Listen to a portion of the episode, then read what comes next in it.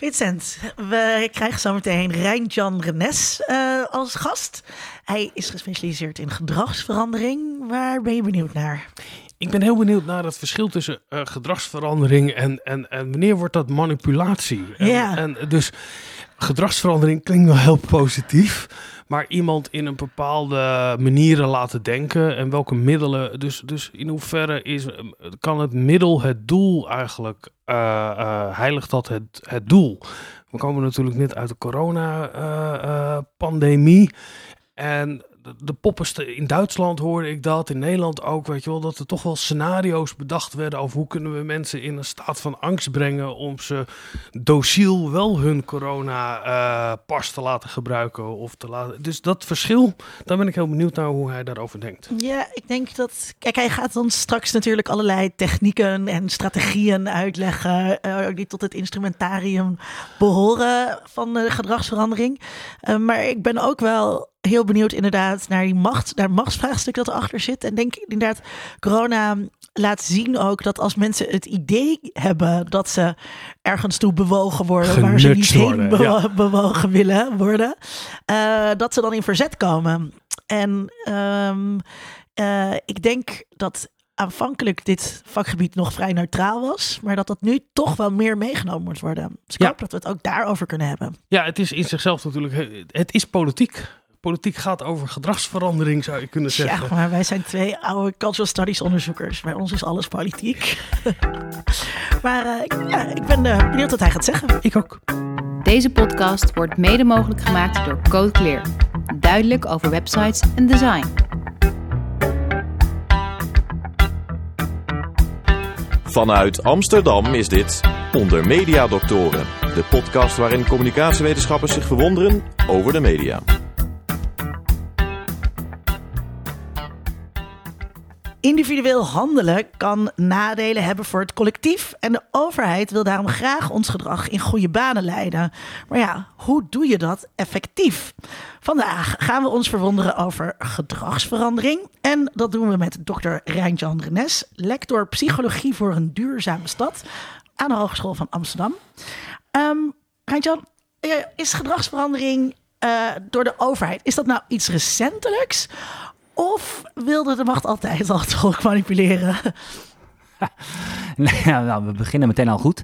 Nee, uh, nee ik denk dat het. Kijk, uh, als je gewoon teruggaat in de geschiedenis. En kijk alleen al naar de tien geboden. Dat is natuurlijk een soort postbus 51 ah, uit die, ja, uit die ja, tijd. Ja, dus ik denk dat we, hoe vroeg je ook teruggaat, dat er altijd uh, sprake was van om te kijken, kunnen we een ander veranderen? En, en zelfs al binnen, in, re, binnen relaties tussen partners. Dus, dus, dus altijd probeer je de ander in welke vorm dan ook misschien mee te krijgen, te bewegen tot iets. nou, ja. De wereld van macht en strijd. Uh. Ja, ik denk als we dat, dat, tot dat soort essentiële kernelementen komen dan terug, ja. Ja, ja, Vincent, zoals altijd aan mijn zijde, mijn vaste mede-media-dokter. Linda. Uh, heb jij eigenlijk gedrag dat veranderd zou moeten worden? Ja, uiteraard. Ik ben een feilbaar mens, maar het, het, het, het, ik ja, uh, de vraag waar we het vandaag over gaan hebben is: zou ik op een of andere manier geïnformeerd willen worden, laten we het neutraal zeggen, waardoor mm. ik ook die gedragsverandering zou doorzetten?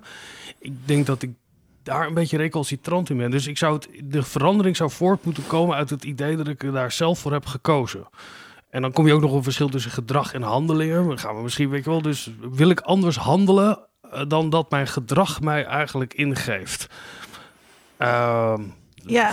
ja. ik doe soms dingen waar ik eigenlijk van denk, nou ja, ik had beter nu wel dat werk kunnen afmaken dan uh, uh, te gaan kijken dat ene YouTube-filmpje om te zien over hoe die tennisser in 1978 toch Ivan Lendl goed in de hoek wist te zetten. Oh, ik dacht meer bijvoorbeeld aan uh, stoppen met roken. Ja, nou ja, ik rook nog wel eens. Ja, maar ik heb het, ik, ik vind het een fijne gedachte dat ik daar inderdaad. Uh, uh, ik weet hoe je moet stoppen. Namelijk ja. door geen sigaret op te steken. Ja. Dus door meer geïnformeerd te worden over iets. Of een samenleving die je eigenlijk steeds meer uitsluit. Als, of het moeilijker maakt als roker. Mm -hmm. uh, ja, daar, daar, dat, dat roept eerder verzet tegen. bij mij op. Ja.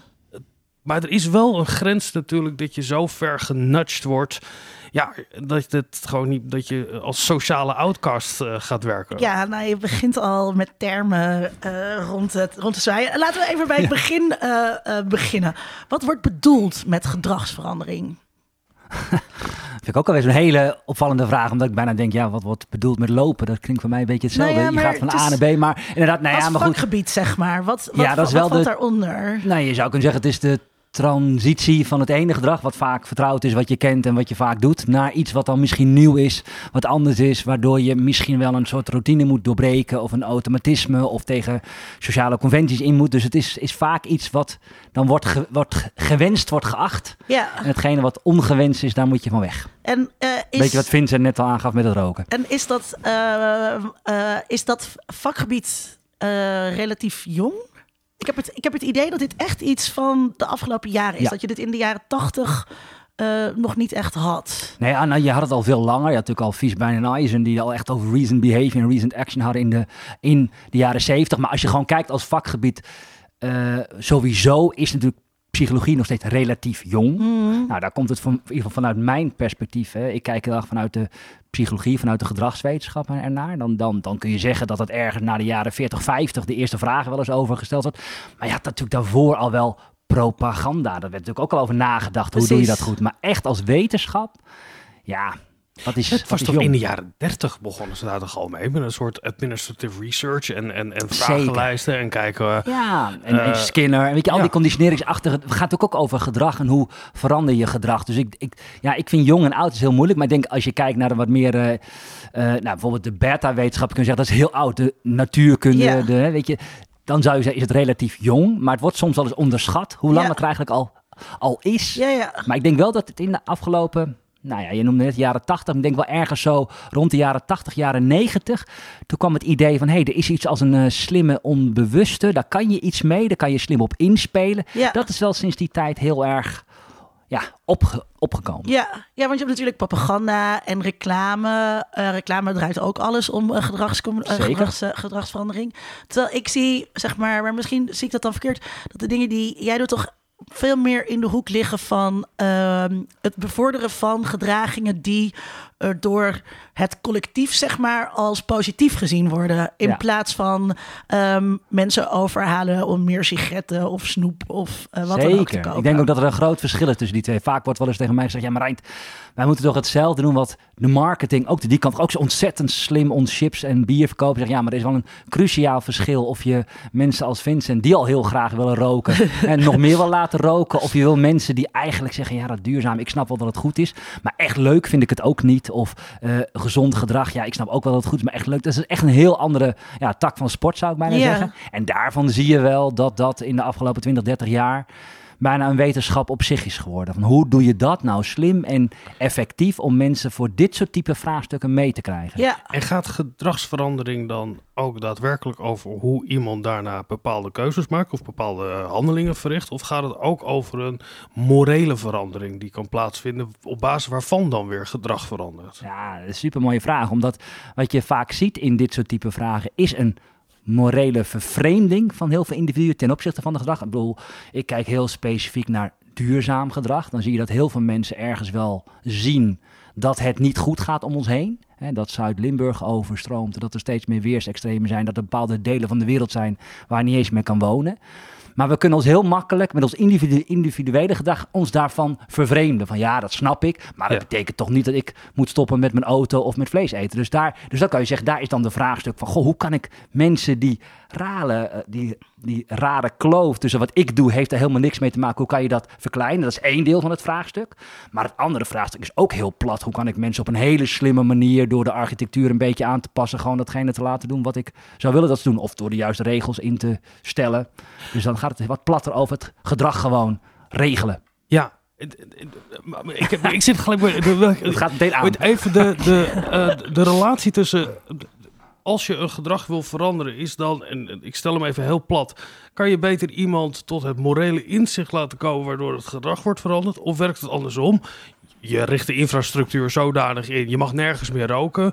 Dan gaan mensen niet meer roken. En dat ze daarbij Maar, eh, die- de morele daad... Mag je aan het einde, komen we daar... Komen, Ja, maar om, ik wil graag begrijpen wat om het domein af te bakenen. Maar het is waar beide, wij- Vincent. Het is een Oké. illusie om te denken dat het in sommige gevallen, als het een, ehm, een, een, een, een, een vraagstuk is waarvan je zegt, jeetje, dat wordt heel moeilijk om die, om dat, om die morele kloof op korte termijn te dichten. En dan moet er echt heel snel iets gebeuren. Kun je zeggen, nou laten we gewoon maar alvast, we gaan de regels, we gaan de Ja. boel opzetten. Kant denk ik, nee, want we weten wel, als het vanuit die morele verdichting komt, hè, komt omdat ik ook echt met z'n allen als samenleving zie, dit kan ook echt niet meer.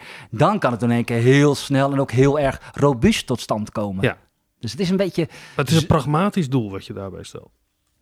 Het is nou, wat ik eigenlijk altijd tegen al mijn eh, studenten ook altijd zeg. Het is, het is altijd ontzettend contextafhankelijk. Die willen altijd, wat zijn nou de drie tips? Ik zeg, ja, dat is een onzinvraag. Het is eh, in de context gaan uitzoeken, wat is dit voor een type vraagstuk? We hebben mee te maken. Wat is, de, ja, wat is inderdaad een beetje de variabele? Hoe zitten die niet op dit moment in elkaar? En vanuit daaruit ga je nadenken, wat is dan de eerste stap die ik zet? Oké. We, we, we, gaan daar, eh, we gaan daar helemaal doorheen. Ehm, ehm, maar eh, eerst, ehm, eh, jij houdt je vooral ehm, bezig met de duurzaamheid. Ja. Ehm, maar je hebt ook ehm, mensen die eh, in de gezondheidscommunicatiehoek zitten. Eh, ik moet meteen denken aan mijn oud-collega Bas van de Putten, die Ja. veel met roken bezig is geweest. Wie bepaalt eigenlijk welk gedrag veranderd moet worden? Als we in deze, zeg maar, een beetje positieve hoek van... eh, Ja, meer de maatschappelijke ge- ge- vraagstukken. Ja, gedragingen die, Ja. Niet slecht, die, die slecht zijn voor ofwel het individu ofwel de wereld. Ja, als ik het heel flauw zeg, dan is het dat bepalen wij. Want wij bepalen uiteindelijk wie er natuurlijk in een democratie hier eh, het voor het zeggen heeft. Dus eh, hier in Amsterdam hebben wij met z'n allen eh, een tijdje geleden bepaald, vier jaar terug, en dan mogen we straks weer, dat GroenLinks bijvoorbeeld best wel een grote partij is. En dan is de kans vrij groot dat we met z'n allen moeten gaan verduurzamen. Dat je Dus een ze- lectoraat voor de duurzame stad hebt. Bijvoorbeeld, ja. Dat Ja. Is dan, die, die kans neemt dan dus toe. De, dus, dus, maar uiteindelijk zie je wel dat in dit soort type vraagstukken de overheid gaat kijken waar zien wij dat er zorgen zijn. En dat we denken dat we dat als overheid moeten op gaan pakken. En die gaat dan regels stellen, campagnes opstellen. Ja, Ja. Dat soort, eh, En daar springen dan vervolgens onderzoekers weer op. Ja. Ehm, en, nou, eh, kan je een beetje, want dat is natuurlijk is bijna onmogelijk, maar een schets geven van hoe ziet dat instrumentarium er eigenlijk uit? Wat voor eh, interventies zijn er? Of, en misschien ook wel, nou laat ik het eerst daar eens bij beginnen. Ja. Ja, dat is een hele simpele Er werd- open vraag. Nou, ik zeg altijd heel simpel, toch even vanuit, nou, ja. toch weer vanuit de overheid denken. Want dat zijn toch vaak wel de partijen die als het gaat om dit soort vraagstukken eh, eh, eh, een beetje de spelregels bepalen. Die, daarvan zeggen al, die hebben eigenlijk gewoon vier instrumenten tot hun beschikking. Waarvan communicatie er één is. En dan is communicatie natuurlijk ook weer een verzamelvat van alles. Want het is informatief, dat is heel persuasief, dat is via allerhande kanalen. Mhm. Dat kan zelfs tot en met burgerparticipatie en burgerberaden gaan. Hè. Dus op alle mogelijke manieren kan je het gesprek zeg maar, met de samenleving op gaan starten. Ja. Eh, ik, zeg al, ik zeg altijd wel, wat ik het altijd wel verbazend vind, dat de overheid wel heel goed is in het denken in een beetje in, de- in, de, in de postervorm. Terwijl ik denk, als ik het gesprek in mijn huis in ieder geval op gang zet, is het bijna nooit dat ik aan een poster denk. Dus je kunt wel denken van, we zijn vrij armzalig hoe we als overheid dat gesprek aangaan, maar dat is een ander verhaal. Studenten komen er ook altijd mee. Als je studenten ergens een oplossing voor wil laten verzinnen, dan komen ze altijd met een campagne. Ja. En een campagne, dat zijn posters in de Ja, ja, en dan, dan, dan, dan hoop ik altijd, dus, nou, dat moet toch iets anders kunnen. Ja. Maar goed, dat, maar dan heb je dus, dat is de communicatie. Maar daarnaast heb je gewoon eh, voorzieningen regelen. En we hadden net heel even over roken. Je kan gewoon zeggen, gewoon regelen als overheid, dat het minder makkelijk wordt om overal sigaretten te kopen. Dus dan zijn die voorzieningen nemen dan af. En nog niet zo heel lang geleden was het de campagne, eh, je kon op meer plekken siga, eh, sigaretten kopen dan brood. Dus dat vond men heel gek. Nou, dat kun je zo over nadenken. Dat moet misschien anders. Nou, Ja. daarnaast heb je regelgeving, wetten. Dat is ook een manier om gedrag af te gaan dwingen. En je hebt het financiële instrumentarium. Dat je gewoon subsidies en sancties. Nou, dat zijn wel de vier manieren. En die kun je allemaal natuurlijk net zo fijnmazig weer in gaan richten. eh, nou ja, vanuit ieder pijler. Ja, daar heb je weer allemaal subvormen onder. Ja. Want de term viel net al even, nudging. Ja. Hoor je vaak eh, eh, als het hier over gaat. Wat is dat?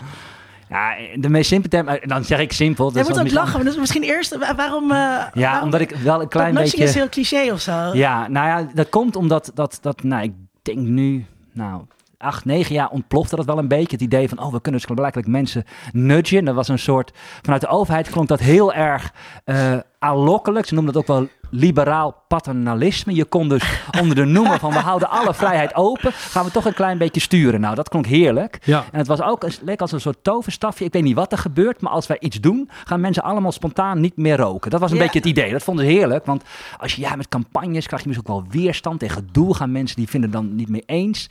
Maar nudging betekent dus in de meest simpele vorm dat je een keuzearchitectuur, hè, wij maken iedere dag keuzes, zo inricht dat datgene wat je als overheid graag wil dat we doen, dat is de meest vanzelfsprekende standaard optie. Dan zit, hè, een, voorbeeld wat heel vaak aangehaald wordt is de donorwet. De donorwet. We hadden ooit dat je je actief moest aanmelden voor de donorwet. Dan moest je een opt-in. Ik noem me echt aanmelden. Nou, nu heb je een opt-out. Je bent automatisch, hè, ben je al aangemeld en je moet je actief afmelden. Nou ja, we weten uit heel veel studies dat eh, landen met een eh, opt-out, ik noem me actief, dan heb je bijna 90% mensen die gewoon ingeschreven staan voor een donor. Dan komt daarna nog heel veel andere problemen, want dan ben je dus nooit bewust voor gekozen. En zodra dan inderdaad het zover komt dat jij misschien overlijdt, is het proces daarna nog heel complex. Ja. En dat heb je niet als je er bewust voor kiest. Dus er zitten heel veel andere issues aan vast, maar dat is eigenlijk een beetje wat een nudge doet. Ja, Vincent, wat Ja, ik je zit van in, het in, nudging? in het, in het onderwijs. eh, hè, ik neem aan, alle drie hebben veel onderwijs gegeven. Dan maak je er toch gebruik van door altijd die vraag te stellen waarbij je wil dat niet te veel mensen hun vingers opsteken. Dus dan heb je een negatieve vraagstelling of een positieve vraagstelling, waardoor je net, want de moeite om, om zichtbaar te zijn om je hand op te steken. eh, wie heeft er bezwaar tegen dat we nog even tien minuten langer doorgaan? nou. Dan zal nooit de meerderheid zijn hand opsteken. Nee. Als je het andersom zou zeggen, wie vindt het fijn om nu te stoppen? Eh, dan krijg je. Maar dit is een eh, framing issue. Dat vind ik ontzettend boeiend. Want dat is net wat, wat ik net, de nudge die ik net noemde. Dat gaat heel erg over hoe kan ik de standaard omdraaien. Maar wat jij doet, vind ik ook een hele mooie. Is dat je eigenlijk, hoe kan ik een sociale cue of iets anders zo formuleren. Dat, het, dat je bijna even moeite moet doen om er tegenin te gaan. Dus Ja. bijvoorbeeld ook als ik tegen iedereen zeg, nou wie is er ook mee eens. En ik doe alvast mijn hand omhoog. ja, Dan zijn er, is de neiging ook een hand omhoog. Neemt alweer toe. Want ja, Ja. deze rolmodel die doet ook al zijn hand omhoog. Of een hele, hele bekende is natuurlijk de stimulansnudge. Op het moment dat ik bij een wc en ik zie al een vliegje. Ja, dan is blijkbaar zit het bij mannen zo in elkaar dat we dan ook op dat vliegje willen dat, gaan ja, mikken. maar, da- ja, Nou, maar dat dan zijn- voel ik me echt zo gereduceerd tot, tot een ongeloof. Maar, dit, Ja. dit- Maar ja, jij dat weet ook- jij niet. Maar, Maar, jij bent ook heb- iemand dat als, als je de trap op wordt genudged, eh, dan expres met de lift gaat. ja, misschien ben ik Daar hebben we ook een naam voor, hè, voor dit soort mensen. Oh, nou ja, je hebt natuurlijk inderdaad... recalcitrant. Recalcitrant is het zeg maar de niet-wetenschap. Maar dan zit je in ieder geval hoog in jouw reactance. Ja, Jij bent iemand met een hoge norm van. Je, je hebt een, zodra je voelt, ik word gestuurd naar iets. Ja, dan heb je de neiging om te zeggen, nou, daar ga ik precies het tegenovergestelde. Kunnen we ook Eh, weer gebruik van maken trouwens. ja, ja, nee, dat, dat bedoel ik ook. Je kan die omkering eh, steeds weer maken Die kan, je, die kan je ook nudgen. Ehm, zijn er nou, ehm, eh, want je hebt hier veel over geschreven. Je hebt ook Ja. twee boekjes eh, voor ons meegenomen. Eh, de Klimaatspagaat over de psychologische uitdagingen van duurzaam gedrag. Een draaiboek gedragsverandering. En nou, dat is helemaal perfect voor mijn vraag. Ehm, eh, zijn er fases? Is er, zijn er bepaalde stappen? Ik, die soms je dat, ik hoor jij nu een vraag stellen Lin, en denk zo, god, zou echt wel, wel een student of een journa- journalist kunnen zijn. Dat ik altijd een beetje huiverig ben. Ja, ja, tuurlijk zijn er fasen en tegelijkertijd stellen die fasen weer niks voor. Maar goed, ik ga ze toch dan maar even noemen. Om, gewoon om een Tekstboek achter. Ja, tekstboek. Nou, je hebt bijvoorbeeld prettig. Pro, eh, Pro Gasca, waar veel veel over geschreven is, hoe, hoe- nou, over die fase. Maar die zegt dan van, ja, je hebt een fase waarin mensen sowieso nog helemaal niet nadenken over verandering. Dat noemen we precontem- precontemplatie. Je bent helemaal niet, het is helemaal niet een thema, je bent helemaal niet mee bezig. Ja, En dan ga je, ja, dat is een hele ja. fijne, en, en dat vinden heel veel mensen, vinden dat ook fijn in die fase te Wat zitten. ben jij het doen? Ik zit te Ik zit pre-contempleren. Ja. pre-contempleren. We ook veel vaker moeten doen misschien. Lekker zen. Maar dan komt op een bepaald moment toch... En dat is vaak dan dat je dan toch wat kennis krijgt. Of iemand zegt wat tegen jou. Hè, dat, dat, dan ontstaat er wel dat je een beetje weet... Hé, hey, er is iets gaande. Dat noemen we dan contemplatie. Je gaat over dingen nadenken. En je gaat er ook wat van vinden. En dan ontstaat dan misschien neiging van... Ja, misschien, misschien zou ik eens wat anders moeten. Ja. Nou, als je dan langzaam ook voelt van... Ja, ik zou wat anders moeten. Je wil misschien wat anders. Ga je in de preparation... de Preparation van oké, ik ga voorbereidingen treffen. Dan ga je ook merken, ja, kan ik het eigenlijk wel? Is het moeilijk? Eh, wat heb ik er allemaal voor nodig? Nou, als je dan door die fase komt, langs heb je je helemaal voorbereid, dan ga je tot actie over. Dan ga je daadwerkelijk iets doen. Ja. Dat klinkt heel simpel, maar dan gaat er ook altijd toch van alles mis. En dat tot en met het gewoon vergeten of tijdens het doen denk je, oh, dat is veel nader dan ik dacht. Vaak als je hard gaat rennen, denk je, oh, dat is wel heel erg leuk, is dit niet? En dan wil je weer stoppen. Nou, dat soort dingen. Ja. En dan heb je nog maintenance, dat is hoe, of je het ook vol kan houden. Ja. En ehm, eh, eh, wat, wat belemmert. Nou ja, dat zei je net ook al een beetje. Er zijn natuurlijk allerlei. eh, eh, hoe zeg je dat? Stokken die je hier in de spaken kunt, kunt steken van zo'n gedragsverandering. Want wat belemmert het, het dan? Eh, Ja, dat hangt, ja, ook hier weer, dit klinkt altijd heel tijd alsof ik dat hetzelfde maar dat hangt heel erg van het type gedrag af. ja, Je hebt natuurlijk gedragingen, daarvan, daarvan is, het, is het ontzettend makkelijk om te doen, zeg maar. Dat, dat Ja. je denkt, ja, en dan is het alleen al het feit, dan is het meer als ik niet gemotiveerd ben, ja, dan doe ik het niet. Maar zodra ik wel gemotiveerd ga ik het doen. Bijvoorbeeld, Ja. eh, hè, als ik chips wil, kan ik heel makkelijk naar de winkel. Het enige wat me dan belemmert, is dat de winkel niet open. Maar tegenwoordig hebben we flits, flitsdiensten. Ja. Dus ik kan zelfs tegenwoordig om een uur of twaalf s'nachts nog denken. Ik heb zin, dus dan is de belemmering voor dat soort type gedraging is bijna weg. En dan is er weinig wat je nog belemmert. Hoogst dat je dan geen geld hebt of geen zin hebt. ja, Maar je ziet juist, en dat is waarom ik ook het type gedrag waar ik naar kijk, dat klimaatvriendelijk gedrag zou je kunnen zeggen. Daarin zie je dat er heel veel belemmeringen zijn, omdat het blijkt dat het vaak eh, tegen, de, tegen de standaard ingaat. Op het moment dat ik geen vlees wil eten, dat verandert langzamerhand. En zeker als je in Ams- Amsterdam zit, wordt het ook steeds makkelijker. Maar ik heb vier broers in Twente wonen. Ja, als ik daar geen vlees wil eten, is dat al een stuk moeilijker. ja, Als ik in Stockholm, dat is zelfs nog buiten het dorp Markelo woon, en ik wil eigenlijk niet met de auto, is het ook alweer een stuk moeilijker. Dus vaak zijn het, is het gelegenheid en capaciteit noemen dan. Dat zijn vaak wel twee factoren die maken dat, dat ook al wil je het nog heel graag, je het toch vaak niet doet. ja. Kan je in die fases ook heen en weer bewegen? Kan Ja. je van actie terug naar contemplatie gaan? Ja, nee, maar dat, daarom, daarom, jij noemde die fase en dan heb je de, een beetje de angst dat denk oh, dat is dus een lineair proces. Ik ga als ik Ja. dit doen, ga ik elke keer, nee, je valt terug. Het kan zelfs zo zijn dat je alles hebt doorlopen en uiteindelijk denkt, nou, dit was niet voor mij en ik stopte weer mee. Terwijl je misschien vijf jaar later in een andere fase denkt, ja, nu wel weer. En, en, en dus het is eigenlijk een veel meer een kluwen van dingen die door elkaar bewegen. Van, van, van pre-contemplatie naar contemplatie en weer terug. Maar pre en zelfs, dat vind ik helemaal mooi, je kan er zelfs niet eens mee bezig zijn en toch van gedrag veranderen. Omdat er gewoon in de architectuur iets aangepast is. Dus het zit natuurlijk wat genuanceerder in elkaar. Maar die verschillende fasen, die herken je vaak wel. ik merk het heel erg bij ehm, eh, de duurzaamheidsdingen. Dat ik heb, wij, Vincent en ik hebben het daar ook wel vaak over. Eh, wij Post in zijn, Dubai. eh. ja, wij zijn alle twee eh, van midden jaren zeventig. En het was veel minder een onderwerp voor ons, wij opgroeiden, dan dat het voor mijn jonge vrienden is, die Ja. eh, ehm, eh, begin dertig zijn. En eh, voor mij was het dus, dus ik heb mijn voormalige verkering, die heeft mij heel erg vliegschaamte aangepraat. En ehm, eh, ik, ik ben allerlei dingen gaan doen. En dat komt, dat komt omdat zij mij die contemplatiefase, denk ik, ingeduwd hebben. Ja. Dat, je, dat je daar dan ook bijna niet tegen kan verweren, zeg maar. Nee. Dat, ehm, Ja, maar wij komen ook uit een eh, generatie. Eh, We zitten nu bij jou thuis en er staat hier een hele een soort totempaal aan Lonely Planet. Wat natuurlijk ook allemaal een soort trofeeën zijn van Zeker, kijk eens waar ik ben geweest. En ik kom ook uit die generatie, misschien jij ja, ook. absoluut. Ik heb Waarin ook de hele wereld gezien. Ja, waarin je ook genudged werd, zeg van...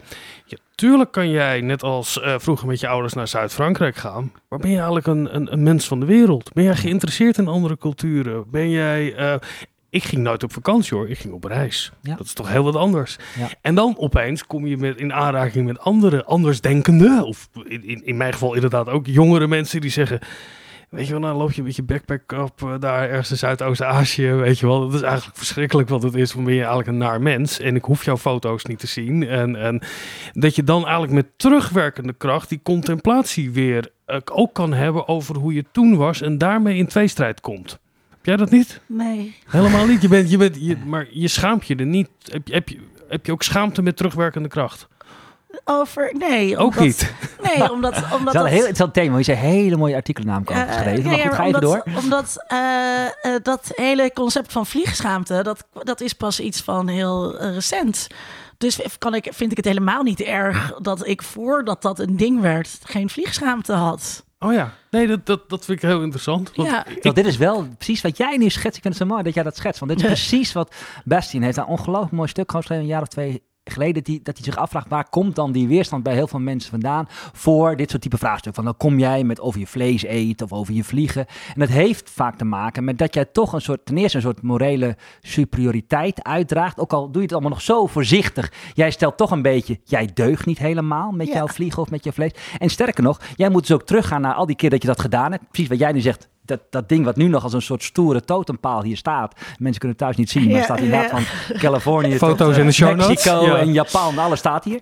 En, en ergens waar je nu nog trots op bent, misschien dat je wel over een jaar of vijf toch denkt, nou, ik haal hem maar weg. Want eigenlijk, hoe, hoe trots moet ik hierop zijn? En jij zegt, Ja. ja, maar toen die tijd wist ik dat nog niet. Nee, maar jij compartimentaliseert dat door te zeggen... ja, dat was, dat was Linda van, van uit de jaren negentig. Ja. Weet je wel, daar moeten we niet mee in discussie gaan... want Ja. die maakt hele andere keuzes dan Linda in 2022. Ja, dus daarnaast zet ik dan gewoon het internationale spoorboekje. Wat je waar nu ik- altijd waar gebruikt. Ik nu op, eh, waar ik nu op vaar. Ja. Ehm, we hebben natuurlijk, of we zitten eigenlijk nog midden in een periode waarin eh, gedragsverandering alles eh, was. Het is ook een heel, eh, dat was denk ik al een hot item, eh, maar het is natuurlijk nog veel urgenter geworden met corona. Ja. Ehm, je was onderdeel van de corona-gedragsunit van het RIVM. Ehm, wat bestaat die unit nog? ja, zeker. En wat, wat doen zij? Ja, nou, ten eerste is het wel goed dat die, dat die is pas echt, ook echt opgericht toen de pandemie startte. Hè? Dus eh RIVM had niet zo'n gedragsunit. Terwijl het Eh, RIVM... eh, wel gedragswetenschappers had. Precies, ja, want, want zij monitoren ook heel veel andere infectieziektes zoals HIV. En Ja, daar hebben we natuurlijk ook ze. heel erg gekeken naar gedragingen. En, ja, dus Er, is, er, er waren wel wat eh, eh, gedragsdeskundigen die bij RIVM op een aantal verschillende thema's zaten. Maar er was niet een OMT-achtige unit die zei van ja, wij kijken heel specifiek naar de pandemie en de gedragingen die erbij horen. En hoe je daar eventueel nou ja, via allerhande eh, communicatie of regelgeving mensen eh, toe aan kan zetten. Dus ik heb samen met Marijn de Bruin, hoogleraar in Nijmegen, en Marieke Leurs, die hoofd gezondheid was bij RIVM, hebben we toen met z'n drieën die unit opgericht in maart. Echt met als doel om, om, om, om, om te kijken van oké, er komt vanuit OMT komen in één keer allemaal hele heldere gedragsadviezen. Eerlijk gezegd voor mij als gedragswetenschapper dacht ik, wow, wat gebeurt hier? Dat had ik nog nooit. Als we dat binnen klimaat ook zouden krijgen, zou ik super blij zijn. Dat Ideale gewoon- case study, Ja. kan ik bij. Ja, ja, dus echt, ik denk, nou, in één keer krijg je ja. het horen, mensen moeten anderhalve meter afstand houden. Oké, dat is gedrag. Mensen moeten handen wassen. Dat is gedrag. Ja, mensen mogen ja, geen handen ja. weer schudden. Dat is gedrag. nooit er inderdaad zo specifiek... Heel ja. duidelijk. Nou, ik dacht, oké, dus, dus toen dacht ik ook, oké, dan, zul, dan zal wel, zullen er wel allemaal mensen zijn die kennis hebben over hoe dat dan moet. En toen bleek, toen werd ik nou echt al letterlijk binnen een week in maart ergens door de overheid gebeld van, ja, wil je dan mee gaan kijken op landelijk niveau? Over hoe dat dan moet. Dus nou ja, daar wil ik wel meekijken. Maar toen kregen we dus al meteen, die eerste dag dat we met elkaar in zo'n teampje zaten. Nou, hoe, hoe, ja, hoe moet dat dan? Ja. Ja, maar jongens, we hebben toch helemaal geen data over. Hoe kan ik nou besluiten? En wat je dan zag, is dat er dan natuurlijk wel wat gedragswetenschappers zijn die uit, op basis van andere studies bij ander gedrag denken, ja, zo zou het kunnen. Maar een viroloog zegt toch ook nou ja, bij dit virus werkt het zo, dan zal het bij dit virus ook zo wel werken. Nee, dat is een beetje gek. Dus je gaat specifiek een, specifiek een vaccin ontwikkelen voor dit virus. Dus wij zeiden ja, dan moet je ook specifiek voor dit soort, dit soort type gedragingen, moet je gewoon data verzamelen. En dat nou, dat, dat had men ook inderdaad. Want wij zeiden, nou, ja, wij, wij stoppen hiermee. Dit gaan wij niet doen op deze manier adviseren. En toen zei ze, dat kan niet. Dan moeten jullie, krijgen in ieder geval onze ruimte om bij RIVM zo'n unit op te Want, zetten. want Dus- jullie zeiden, we gaan niet meer stoppen, dit, dit kunnen we niet. nee. Als we... Als Marijn en ik zeiden, geval, Ja. er waren hele, was een hele grote groep experts, maar Marijn en ik zeiden van dit kan niet. Wij gaan hier niet. We- Het voelde ook heel ongemakkelijk, want wij zeiden, we kregen s'morgens een vraag, hadden we heel erg over nagedacht. Ja, dit zou kunnen. En dan zag je gewoon s'avonds, zag je al dat er van alles rondom datgene wat zou kunnen, werd dan ingevoerd. Ja, Oh, we- jullie, jullie hadden een educated guess. eh, ja, je dacht van ja, dit zou eventueel ja, kunnen. Ja, Dan heb je op basis aantal- van de kennis die je in de Ja, ik jaren denk, ja, dit zou een bystander effect kunnen zijn. Dus misschien als je zo doet. Ik zeg maar even wat. Je pakt Ja. een fenomeen. En je zou misschien met eh, implementation intentions als techniek. Het zou kunnen werken. Zoiets. Hè? Ik maak het even nu iets platter dan het is. Ja, je gaat een beetje eh, speculeren op basis van theorie. eh, Precies. En resultaten behaald eh, bij andere gedragingen. Ja. En dat voelde natuurlijk bij zo'n crisis als deze. En, en dat was natuurlijk in die eerste maanden. Je dacht echt, oh, dit is, voelt als een soort oorlog. Ja. En dan ga ik daar gewoon midden in die crisis wat suggereren. Nou, Dat vond ik heel erg eng. En vooral Marijn zei ook letterlijk tegen mij, Rijn, dit kan niet. Zei Nee. Je hebt helemaal gelijk, dit kan ook niet. Dus en toen wij besloten om dat En toen kregen we wel, dat moet ik wel echt zeggen, we zeiden over dat, ja, wij willen niet dat jullie hier uitstappen. Dus toen hebben ze ons meteen aan RIVM gekoppeld. En toen hadden we ook, ik denk we echt rond 15 maart zeiden, oké, dan gaan we met RIVM om de tafel. Binnen twee dagen hadden we een wetenschappelijke adviesraad, bestaande uit allemaal gedragswetenschappen, gewoon ons bal boekje geopend. En we zijn mensen als Bas van den Putten gaan bellen, Julia van Weert, nou allemaal mensen Ja. die we kenden. waarvan we Collega's dachten- van, de ja, van allemaal communicatiewetenschap van de Universiteit van Amsterdam. Van de UvA, maar ook vanuit andere groepen. Maar wel elke keer met, van, oké, we moeten nog iemand die iets veel weet over gedrag in jongeren. We moeten iemand die veel weet over gedrag in ouderen. We moeten iemand die wat meer specifiek... Dus we gingen echt wel kijken, wie kennen we dan? Ja, Die hebben we bij elkaar gezet om die educated cash ook naar dit, dit wat, wat, wat op een wat hoger niveau Ja, te krijgen. Ook en- omdat we zeiden, we hebben niet binnen een week data.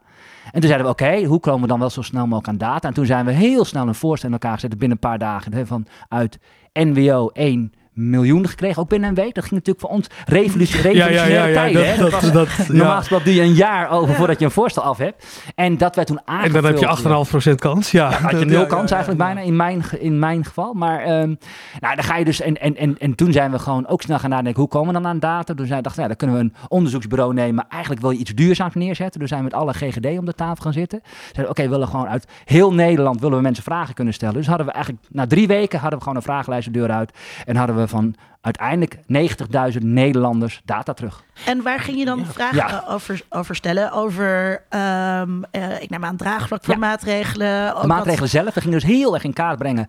Wat doen mensen feitelijk? Dat was natuurlijk het fijne. hè. We waren gewoon heel duidelijk vanuit OMT gezegd, dit moeten mensen doen. Ja, En toen waren er al bijvoorbeeld al studies verschenen. Zeiden, nou, 100% bijna die wassen handen. Zei, ja, dat geloven we wel. Maar wassen mensen hun handen ook zoals het moet? Dus we hadden gewoon veel meer, echt met, ook met compliance en, en mensen die dat heel goed... zijn we gewoon met experts om tafel zitten. Hoe vraag je dit nou in zelfreportage nou heel slim uit? Ja, want, Ja. want als je mensen vraagt, eh waar zijn je handen of ben jij een viezerik? Ja. Eh, dan weet je wel welk antwoord Ja, je krijgt. precies. Dus we gingen dat heel fijnmazig uitvragen. Gingen echt dat heel erg, heel specifiek. Dus dat was ook best wel een uit. We echt een, echt een gedragblok. Dat ging echt over heel specifiek. En ook als mensen zeiden van, eh, ja, ik ga ook bij, als ik ga ik weer niet naar, weer niet naar eh, buiten. Of je gaat wel naar, waar ga je allemaal, allemaal naartoe? Dus we gingen heel specifiek, echt op, op, op heel fijnmazig. En dat, en dat werkte ook al heel snel. Want, je, want, want daar waren dus andere studies zeiden van, nou ja, 95% was wel, was wel hun handen. Zagen wij, nou ja, 60% doet het ook precies zoals het hoort. En we zien ook dat mensen het misschien, zodra ze iemand op bezoek gaan, het alweer moeilijker vinden. En hoe werden deze vragenlijsten afgenomen? Werd dat online gedaan of werden mensen gebeld? Of, ja, die kregen, nee, we hadden dus vanuit de GGD, we hadden dus al die GGD'en, die, kregen, die hadden we allemaal weer panels.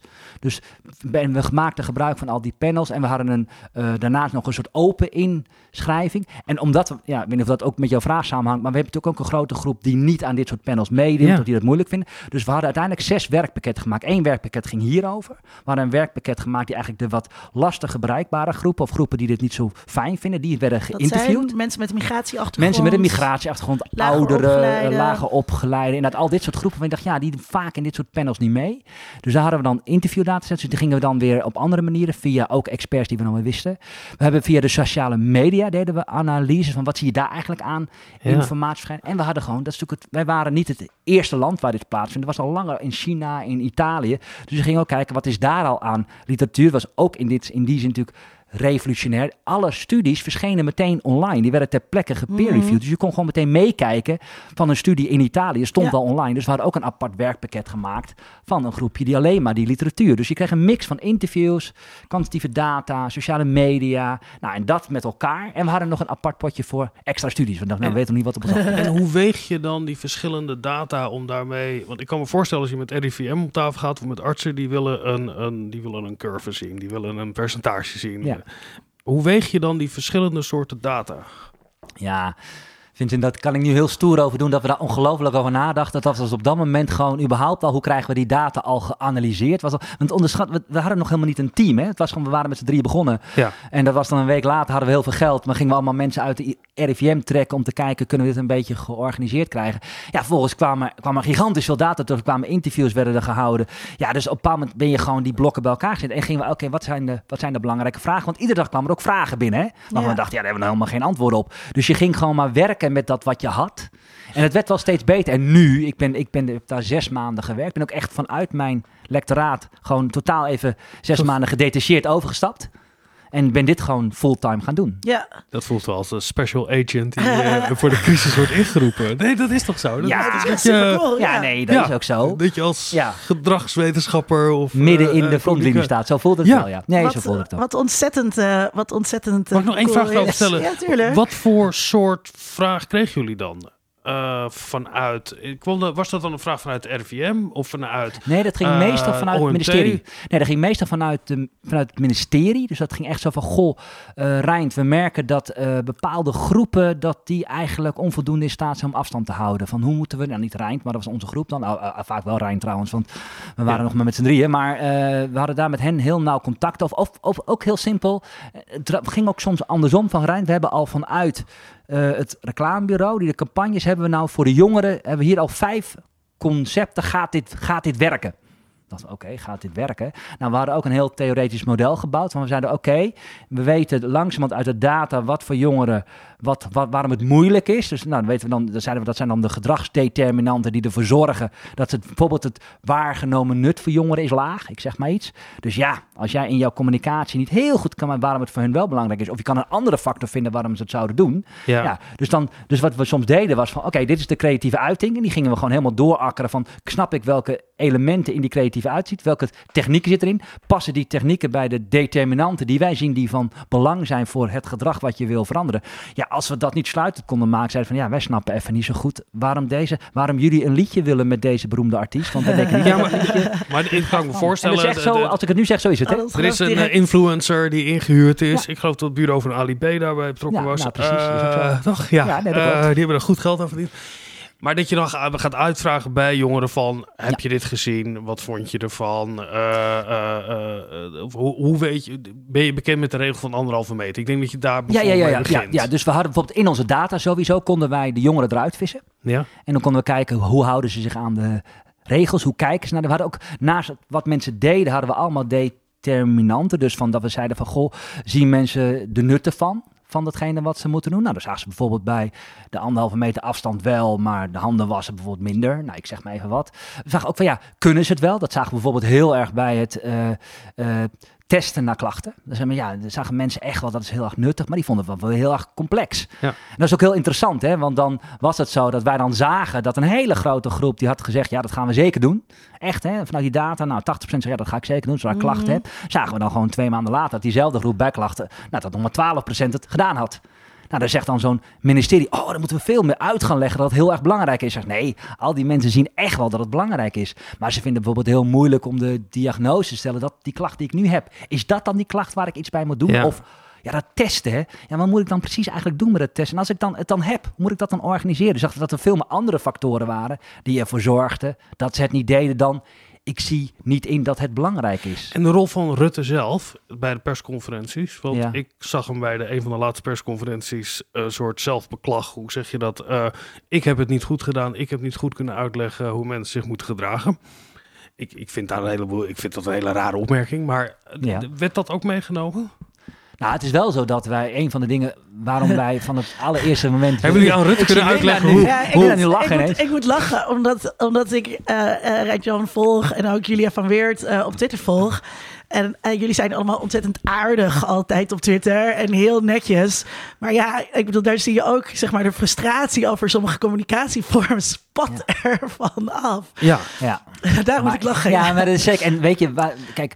ehm, Ja, maar je Een wilt niet alleen redenen- begrijpen, je wil ook een effect ja, sorteren. nee, maar, ja. dat, maar dat, Ja. is wel, dat is toch wel aardig om dat toch nog even... Want eh, 8 maart was een van de eerste persconferenties. Toen was dat nog met, samen met Jaap van Dissel. En wat deed Mark Rutte? We mogen geen afstand, we mogen geen handen meer geven. En vervolgens gaf hij Jaap van Dissel een hand. Ja. Eigenlijk was dat mijn allereerste dag, hier gaat iets heel erg mis. Ja, Want en toen een- vond iedereen het nog best En een hartelijke lach erachteraan. Hartelijke lach. Ja. En daar ging nog extra knuffelen zelfs. En iedereen de dag daarna had het wel over hoe grappig dat was. En ook ik ging nog gewoon naast mijn collega zitten. Gaf nog steeds een knuffel. Want niemand dacht, nou, dit is echt ernstig. En Ja, toen dacht ik van, weggelachen. het was echt letterlijk Ho, weggelachen. ho. Er waren wel heel veel ook nog communicatie. Nou, het is misschien wel heel slim, want daar ging ieder het erover hebben. Ik dacht, nee, gedragstechnisch is het heel stom.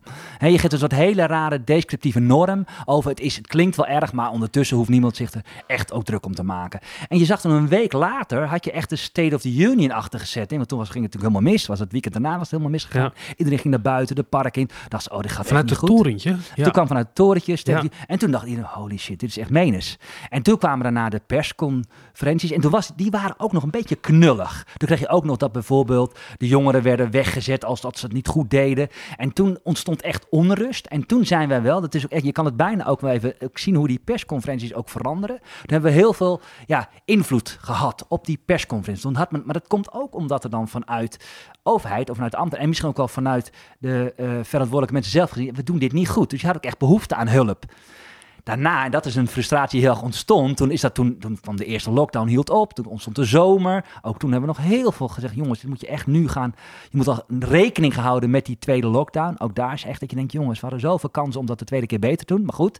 Toen kwam die tweede lockdown en toen zag je dat in één keer, ja, die persconferentie zakte weer weg, het niveau werd weer minder. Dus een soort gekke illusie ook bij toch denk ik overheden of van ja, we kunnen het uiteindelijk wel zelf. Terwijl elke keer opnieuw moet je kijken in welke fase zitten we nu, wat is hier weer nodig. Nou, toen kreeg je de debakels van de dansen met Jans en we gaan een Summer of Love in, achtige persconferenties. En dat was ook, want ik had echt gezegd toen ik wegging bij RVM, ik ga niet meer over corona ook in het nieuws, want ik wil gewoon over klimaat hebben. Dus ik dat je eenmaal zit je in zo'n boekje, dus iedere dag of iedere week in die fase werd ik gebeld van, gewoon wil je, wil je rekenen, wil je iets vertellen over de pers? Dat doe ik niet. Maar toen kwam weer die ja, dansen, voor, dansen met Jansen, persconferentie en de Summer of Love. En, en, en toch een soort dat ik dacht, ja, als, als je al wil dat mensen zich toch aan de regels houden, is dit wel het laatste wat je moet zeggen. En toen heb ik nog één keer met Nieuwsuur erover gehad. Van nou, oké, gaan we heel één keer dit bespreken. Maar dat was echt de frustratie dat je zag, er is zoveel kennis. We hebben nu een jaar lang data.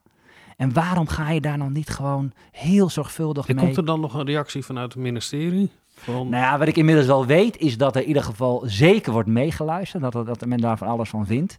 En dat men daar wel degelijk iets mee doet. Maar ja, dat, dat zullen jullie denk ik zelf ook wel ergens herkennen vanuit toch, of je nou geesteswetenschapper bent of sociale wetenschappen, waar je jezelf ook plaatst. Maar je voelt toch een beetje dat de kracht van de harde wetenschappen en de economische wetenschap op een of andere manier mogen die door alles heen fietsen op een bepaald moment had je ook dat je wel dat Jaap van Dis natuurlijk altijd mocht aanschuiven, maar dan was er een minister verantwoordelijk voor gedrag. Dan ja. dacht je, dat is toch heel gek? Dat is een gedragsvraagstuk. Ja. Ik, uh, het, klinkt, uh, het klinkt eigenlijk een beetje alsof er ook bij het ministerie een uh, in, intention behavior gap is.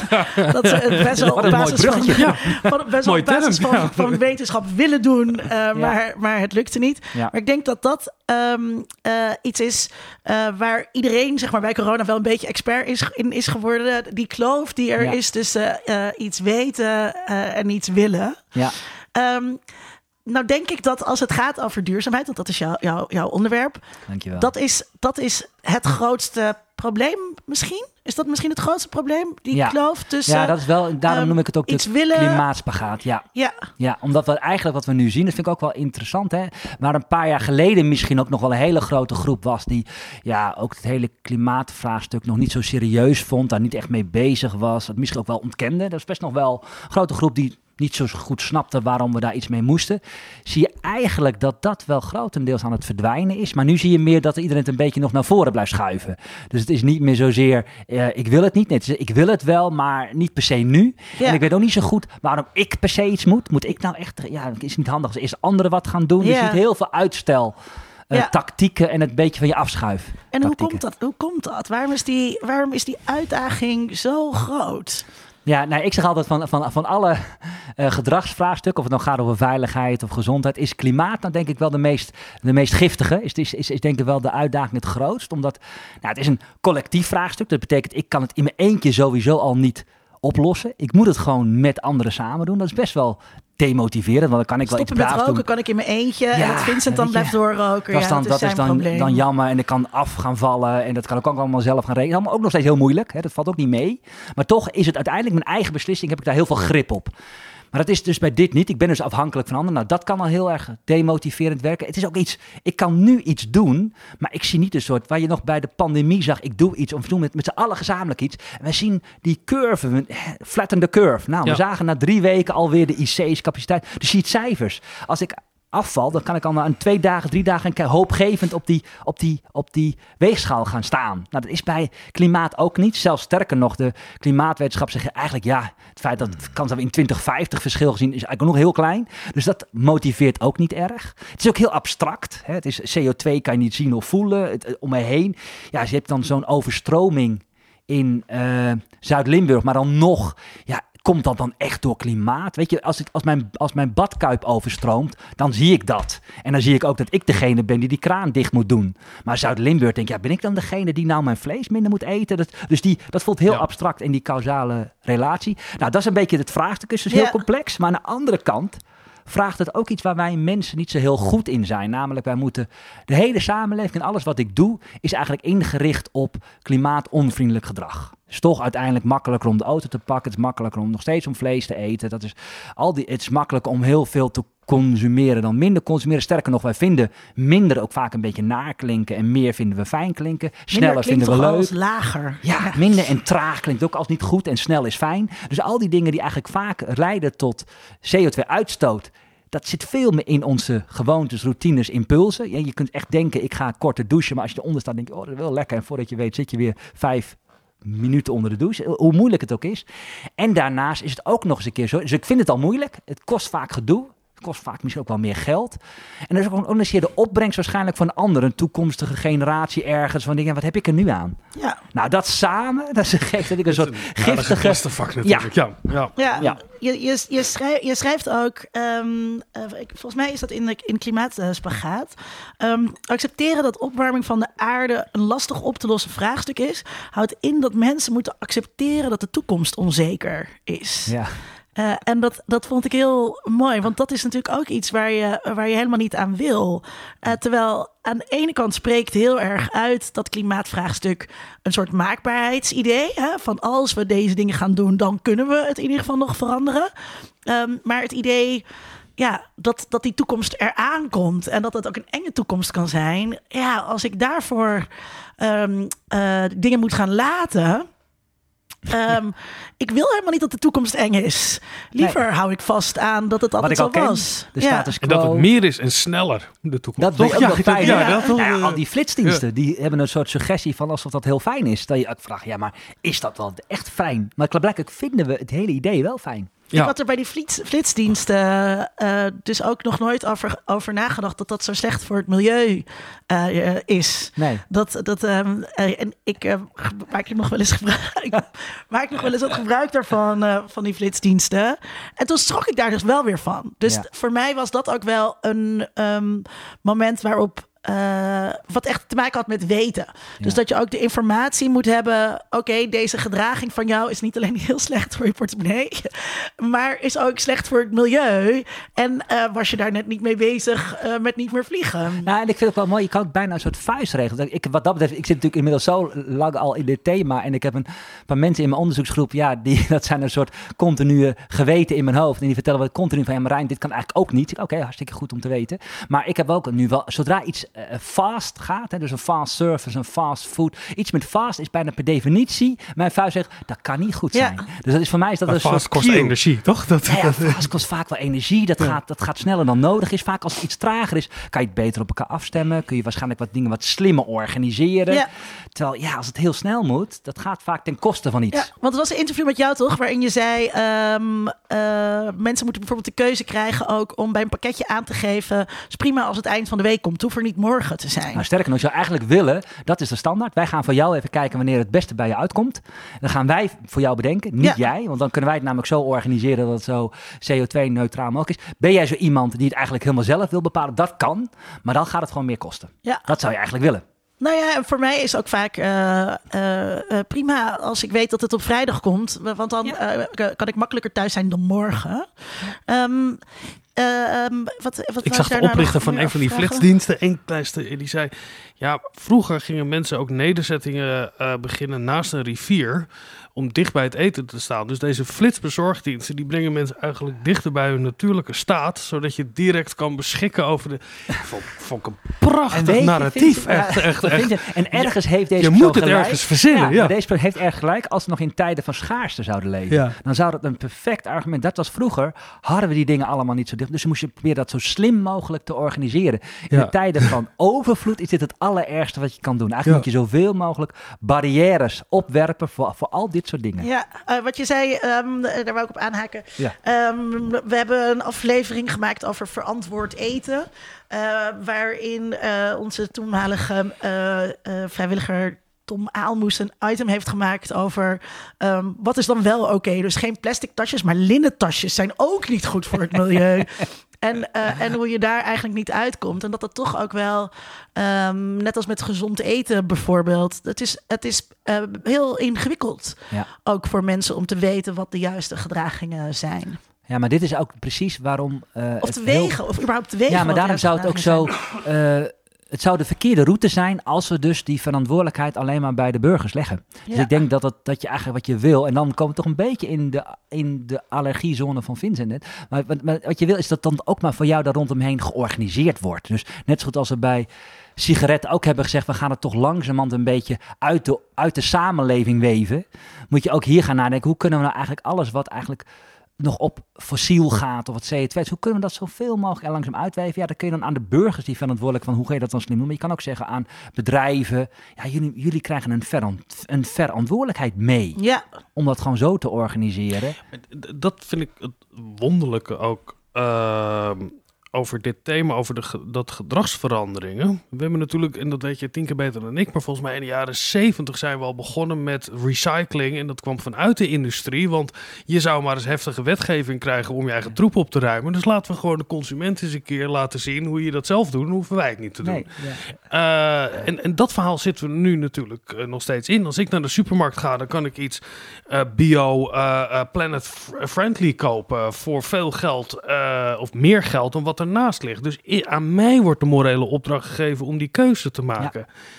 Ik wil die keuze helemaal niet maken. Ik Nee. wil gewoon niet dat er producten En zijn die je, nou, belastend oh, zijn. Ik vind het zo fijn dat, ja, sorry dat je dit toch zegt, want dit vond ik ook zo opvallend aan de wethouder van Amsterdam. Die zei van, ik heb geen moreel oordeel over de flitsdiensten. Alleen ja, nu zitten er een aantal dingen die gaan meer over de omgeving, gaan dingen niet goed. Daar gaan we even over Er zijn nadenken. mensen in het centrum die lopen te zeiken. wel degelijk ja. dat je als wethouder kan zeggen, ik heb ook een moreel oordeel. Ik ben namelijk ook de wethouder van klimaat, niet alleen van de ruimtelijke ordening. En vanuit klimaat heb ik ook een moreel... Ik denk dat je precies dat je mag vragen aan bedrijven en aan overheden, heb een moreel oordeel hierover. Ik vond het ook heel erg opmerkelijk dat drie jaar geleden of twee jaar geleden toen eh, rondom het stikstofdossier de overheid uiteindelijk moest besluiten, we gaan van 130 km per uur naar de standaard van 100. Dat Rutte letterlijk zei, ja jongens, ik vind het allemaal hartstikke, ik vind het ook vervelend. Ik vind het ook naar dat we van Ja. 130 naar 100 moeten. Terwijl hij kan zeggen, nou, het is een cadeautje, want het is gezonder, het is veiliger en het is duurzaam. Nou, waar wij van de Mhm. overheid zijn, wij zijn van dat we hopen dat we een veilige samenleving, een gezonde en een duurzaam. Dus nou, wat we jullie nou toch gaan geven voor iets fantastisch, dat, dat doet hij dus niet. Dus hij probeert heel erg te voorkomen alsof je als overheid of als bedrijf zegt, we hebben een moreel oordeel erover, we hebben hier een mening over, vanuit de visie kiezen we hiervoor. Maar het is ook, dingen worden ook ontzettend gedepolitiseerd in dat uitblijven van morele oordelen. Alsof het. ehm, eh, het politiek gaat over het maken van keuzes, over het maken van wegingen. Welke belangen, welke eh, ehm, eh, normen laat je zwaarder wegen als het gaat over dit soort dingen. En dat, dat, dat stoort me vaak wel. Ehm, eh, en ook bijvoorbeeld als het gaat over nou, zo'n nudging waarvan, van, waar- waarbij je de trap moet nemen in plaats van de roltrap. Want dat is ook een vorm van verantwoordelijkheid bij het individu leggen. Ja. Eh, in plaats van eh, eh, als het gaat over obesitas bijvoorbeeld.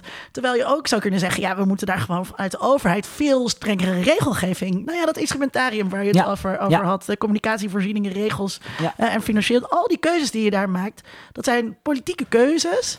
Maar het wordt vaak een beetje apolitiek gebracht. Ja, klopt. Dat, ehm, maar we, hadden, we, we zitten bij dat morele. Ehm, ehm, wat is moral licensing? Eh, heb ik een vraag opgeschreven in het draaiboek. Wat is moral licensing en waarom ben ik er zo goed in? Nou ja, kijk het naar jouw rijtje met allemaal reizen die je al ge- gemaakt hebt. Eh, nou, moral licensing, de kern is natuurlijk wel dat we allemaal wel willen deugen. We willen toch gewoon goed zijn, we willen een goed iemand zijn. Nou, en als jij dan wordt geconfronteerd met dingen die jij doet, waarvan uiteindelijk iemand anders of misschien wel een overheid of wie dan ook zegt, ja, wat jij doet, dat vlees eten voor jou, dat is echt niet goed. Of dat Ja. vliegen van jou, dat is echt niet goed. Ja. Ja. dan kan je twee dingen doen. Dan kan je zeggen, ik ga ermee stoppen. Maar ja, dat is voor heel veel mensen ook niet echt een optie. Nou, dan ga je Ja, ik vind copingstrategie... vlees veel te lekker. Ja, je vindt vlees ontzettend lekker. En je denkt, ja, en wa- wat je dan, wat je dan gaat doen, hè, je vindt vlees eten heel lekker. Je zegt, ja, maar wacht eens eventjes. eh, alsof ik in mijn eentje, dat, als ik dat, dat kan toch niet het verschil maken. Dus wat je gaat doen, is dat je gaat copingstrategieën. Dat zijn eigenlijk allemaal manieren om, eh, om misschien wel datgene wat je doet te, trivi trivialiseren. Ja, zo erg is dat dan ook weer niet. Of ik eet een beetje vlees. Of je zegt, nou, weet je, uh, ik zie mensen om me heen die eten nog veel meer vlees. Je gaat je vergelijken met anderen die veel slechter zijn. Nou, ik ze heb zijn in ieder geval geen kind op de wereld nou, gezet. Precies. Dat, nou, dat riep ik ook tot anderhalf jaar geleden. Daarna werd ik vader. Maar inderdaad, als, als een soort, soort ja. uh, ik mag uh, wel vliegen. Ja. Want ik heb geen kinderen. Ja. Ja, dus je gaat dus eigenlijk, nou dat is precies wat je, je gaat dus jouw eigen gedrag alsnog legitimeren door naar iets anders, wat er natuurlijk helemaal niks mee te maken heeft, naar te verwijzen. En het heeft vooral te, en waarom doe je dat? Omdat je toch ook nog steeds goed over jezelf wil denken en je geen zin hebt om je gedrag te veranderen. En hoe, wat, wat, uh, wat, uh, wat raadt de gedragswetenschapper uh, dan aan?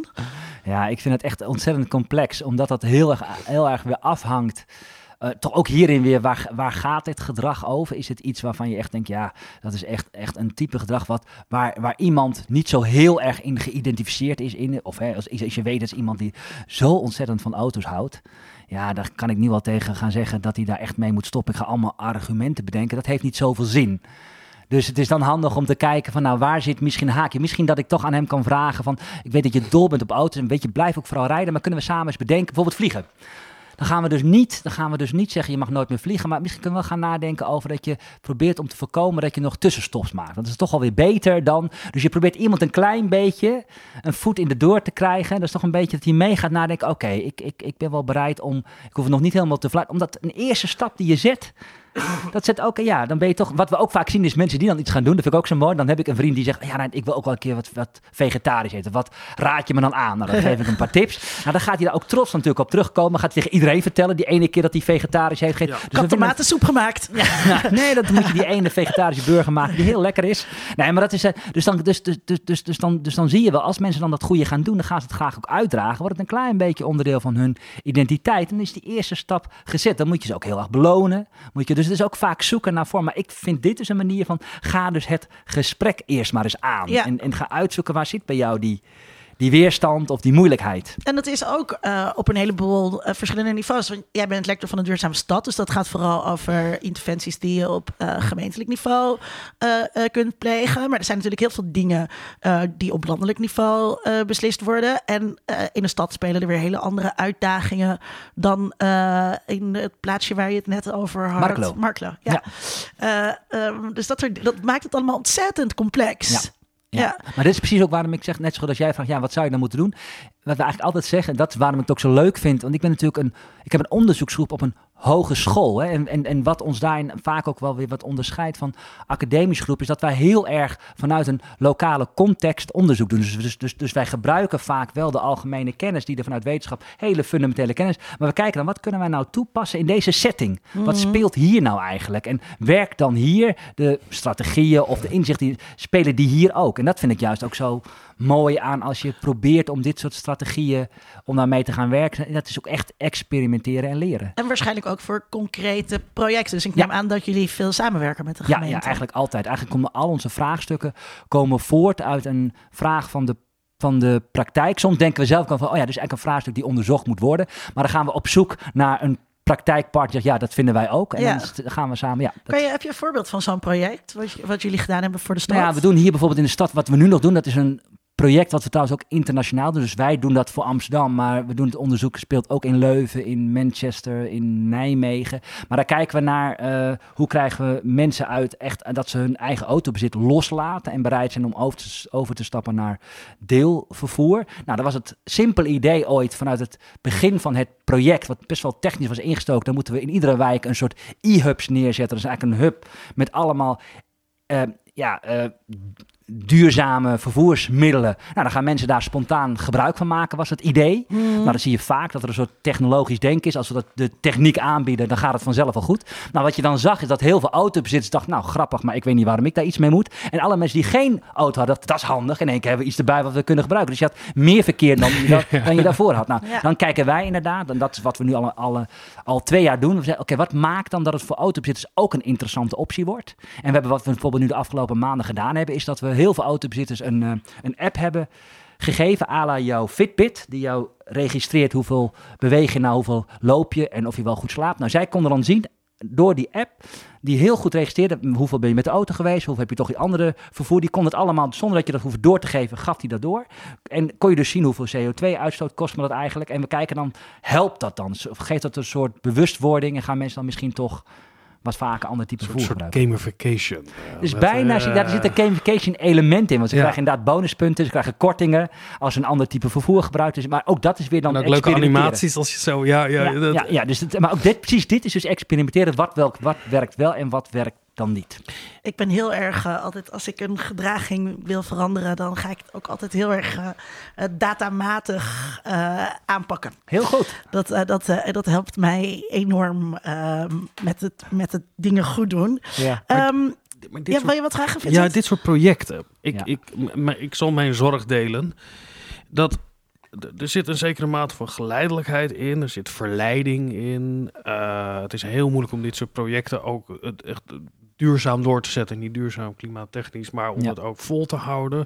Ehm, dus ik zie heel veel d- leuke moestuinen, goede tierendheid met bijtjes op het dak. Eh, ik vraag mij af, is dat eh, ik denk dat je daarmee mensen trekt die al van tevoren eigenlijk al heel daar begaan mee zijn. Dus het is preaching to the choir, die daar inderdaad weer andere middelen krijgen om uiting te geven aan hun idealen.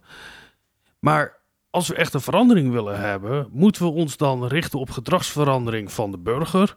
Of moet je niet gewoon stevig politiek ingrijpen en zeggen: Eh, auto's met, eh, eh, die vervuilen, die, die, die- de- er is al wetgeving in de maak daarvoor. Ja, die komen de stad gewoon niet in. Maar dat, punt. zit, maar dat zit in, eh, in, dat, eh, in, in die verschillende instrumenten die er zijn. Dus ja, maar waarom is- zou je Ja, dan nu nog deze... Eens, deze. Nee, maar ik ben het Vincent in die zin absoluut waar. waar ik, ik, wij, wij zijn ook zelf ontzettend kritisch op al. Ik weet niet of jullie dat hier in Amsterdam ook al vaak hebben gezien. Dan willen we voorkomen dat er van die afvalstort naast de bakken komt. Dus in één keer ontstonden er over van die week. groene tuintjes ontstonden Ja. er toen Ja. ik rondom die bakken. heb ik ook een aanvraag voor gedaan, maar Ja. dat was helaas niet mogelijk bij mijn bakken. Ja, maar ik ben er ook wel een beetje cynisch over. Want je krijgt ook een circus aan allemaal leuke dingetjes. Waarvan je kunt afvragen, wat is het netto effect ervan? Ja. En dan krijg je vaak ook op een paar worden mensen een beetje cynisch van. Dus, dus ik vind inderdaad in dit soort dingen dat je veel meer moet gaan nadenken. Hoe zetten we de hele linie? Want ik zeg niet dat het niet moet. Het is vaak helpt het wel om nou, de mensen die al heel welwillend zijn, ondersteun dat vooral. Hè. Daar waar het al groen is, laat het vooral groener worden. Dat is hartstikke goed. Maar durf het ook aan op een bepaald moment om harder in te grijpen. En te zeggen, oké, we gaan dingen gewoon reguleren daar waar het gereguleerd wordt. En dan, dan inderdaad krijg je weer hetzelfde instrumentarium. Ga daar gewoon heel slim en strategisch mee. Maak gewoon een lange jaren plan. Waarbij je de hele tijd die dingen met elkaar. En nu gaat het nog heel erg ad hoc. Heeft iemand in één keer weer een leuk idee? Ja, hobbymatig. Ja, heel hobbymatig. Maar het is ook natuurlijk eh, leuke eh, ideeën. eh, zijn veel goedkoper dan Ja. vaker de bak legen. Ja, Ja, nee, en dan klopt. wordt het, dat is het tweede punt. Dan denk ik van ja, als we met dat soort dingen. Kijk, als die klimaatwetenschappers gelijk hebben, en dat denk ik. Eh, en we zitten in een, in een Maar crisissituatie. toch even slag om Ja, maar hè, eh, en, Ja. en we moeten over 30, 40 jaar eh, gaan we daar ook hier direct effecten van merken en misschien al eerder. Dan zou er de politiek toch, omdat je verantwoordelijkheid hebt om een veilige leefomgeving voor mensen te bieden, net zoals eh, eh, als met smok of wat dan ook, dat je gewoon ingrijpt. Dus dat ik snap die. Maar het grappige is wel, maar ja, ik door ben die het met je andere- ja. Maar door die andere wegen aan te bieden, van we kunnen toch allemaal misschien eens wat korte douchen gaf je. Zo, het Ja. Korte douchen, als niemand ooit meer gaat douchen, zal het probleem niet oplossen. Nee. Dus het, het- dat, dat idee nou moet bij- op alle nou, vlakken ja. iets doen. Helemaal met je eens. Vind ik zo raar. Ja, maar het aardige, het betekent dus eigenlijk, daarom is het ook fascinerend, wat natuurlijk de afgelopen twee jaar, we zijn bijna al twee jaar nu, bijna maart, is gebeurd, is dat je hebt gezien, dus op het moment dat de urgentie echt hoog is, dan gaan we ingrijpen. Klaarblijkelijk Ja. is er rondom klimaat. En dat is nu aan het veranderen. We hebben nog twee regeerperiodes om de doelen van 2030 te halen. Dat gaan we niet meer redden met de, eh dieren, met de mierenhotelletjes of weet ik wat. Dat gaan we echt niet meer redden. Dus er ga- gaat op grote schaal Ja. rondom eh, mobiliteit, rondom wonen, rondom eten en rondom consumeren ingegrepen worden. Dus de stress die we nu allemaal hebben en de Dus jij pleit, een, polarisatie. jij pleit voor een great reset eigenlijk. Nou, we, de Great Reset gaat, eh, afhankelijk van hoe je, waar je naartoe gaat, sowieso komen. Nee, maar er gaat, er gaat dus, als het gaat om dit vraagstuk, net zo drastisch ingegrepen worden. Alleen het enige is, omdat hij net iets minder, ja, als een crisis binnenkwam, het is een wat tragere crisis, hè, het gaat allemaal wat slomer, komt hij iets minder als paniekvoetbal over nu. Maar wij gaan de komende jaren dingen. Ik weet, ik ben, zou, eigenlijk zou dit over acht jaar nog een keer moeten doen. We moeten hier weer zitten. En moeten we eigenlijk kijken wat is er in die acht jaar rondom inderdaad wonen, eh, nou, reizen, vlees of eten en consumeren veranderd. Dan denk ik dat we in een, in een totaal andere wereld zitten. En zijn dat die, eh, want ik heb hier opgeschreven vijf veranderroutes. Ja. Zijn dat die vijf veranderroutes? Nee, dit, dit, dit zijn meer de domeinen waarop Ja, het gedrag gaat veranderen. Hè. Dus dat zijn eigenlijk meer de klimaatvriendelijke eh gedrag. Ja, die veranderroutes, dat gaat- ging meer over waar, via, via wat voor soort strategieën kan je eigenlijk mensen proberen aan te spreken. Dat kan via een sociale route zijn. Hè. We hadden het net over als mensen eigenlijk helemaal niet willen. Ja, dan kan het, kan het soms best wel handig zijn om te zeggen, oh, maar, maar er zijn wel sommige mensen waar ze heel erg veel vert- eh, vertrouwen in hebben. Als die dat, ges- kijk, als de overheid bij hem binnenkomt, ja, daar heb ik niet zo heel veel zin in dat Ja. hij dat zegt. Maar als mijn buurman erover begint, ja, dan vind ik het alweer anders. Dan zijn dat, maar je kan ook zeggen, ik ga het via emoties doen. Ik ga kijken of ik eh, misschien mensen, dat ik dingen aan kan bieden, mensen helemaal trots van worden dat ze daar ook aan mee mogen doen. Dus dan ga je een emotie zoeken of je gaat via identiteit. Nou, dus dat zijn eigenlijk, en daar heb ik er zes van opgeschreven, dus niet vijf, maar Oh, zes. Zes waarvan we echt zeggen van, nou ja, dat zijn routes die je, in, die je in kan gaan om te kijken, kan ik via die route misschien mensen meekrijgen? En, en zijn die routes dan ehm, ideologisch gekleurd? Dus is het zo dat eh, iemand die rechts is eerder geneigd is om in te zetten op het, ehm, eh,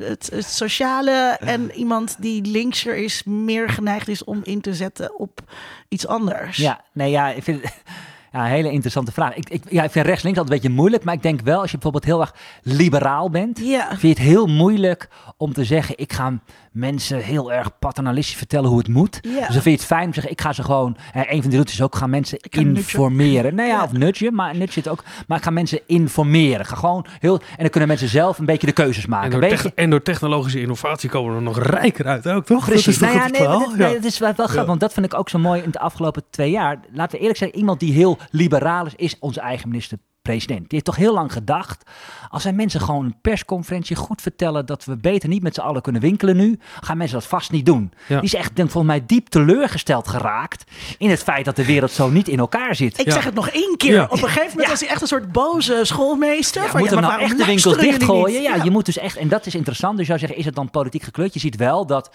mensen die wat minder liberaal, die vinden het niet zo erg om te zeggen, ja, wij als overheid moeten misschien gewoon maar reguleren. We moeten gewoon, wij zijn soms gewoon inderdaad dan maar die ouder die gewoon vertelt, dit kan niet. En we gaan ook het zo organiseren.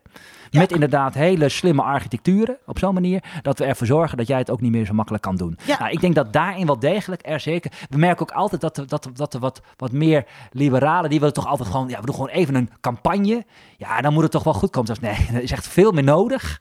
Ja, dat vinden we toch moeilijk. Dat we echt tegen mensen gaan vertellen. Die vinden het ook fijner om de positieve route. We zeggen ook altijd, er zijn twee routes. Of je kan ervoor zorgen dat het gewenste gedrag, dat ga je gemakkelijker maken, ga je verleiden. Die willen heel graag verleiden. Of je gaat gewoon dat ongewenste gedrag, dat ga je moeilijker maken. Gaan we, we gaan bijvoorbeeld parkeerplaatsen weghalen. Oh nee, dat vind ik heel naar. Nee, ja, we gaan gewoon ervoor zorgen dat mensen spontaan niet meer met de auto komen. Ja, nou, dat laatste is heel moeilijk. Je moet ook het aandurven om het ongewenste gedrag. Te belemmeren, te misschien wel financieel duurder te maken. Nou ja, dan zie je wel dat er ook verschillen zitten. Zijn de bejaarden Als- in het centrum die dan geen bezoek meer krijgen van een familie, want het is te duur. Op de, die krijgt dan altijd weer dat soort Exact. tegenwerpingen. En dan zeg, ja, maar dat zeg ik ook, dat ben ik heel, want dat gaat het over klimaatrechtvaardigheid. Hè. Als je dus ziet dat door dit soort maatregelen bepaalde groepen, want we vinden in, eh, inclusie ontzettend belangrijk. We vinden dat we zorgen voor de sociaal zwakkeren. Maar dan, wat je dan, dan, dan zeggen, inderdaad weer de wat meer, eh nou zeg maar toch wat links georiënteerd, dan moeten we die groepen, die moeten we extra ondersteunen. Ja, dat vinden dan ook weer de wat meer rechtse lastig. Gaan we dan bepaalde groepen extra ondersteunen? Ja, die gaan we extra ondersteunen.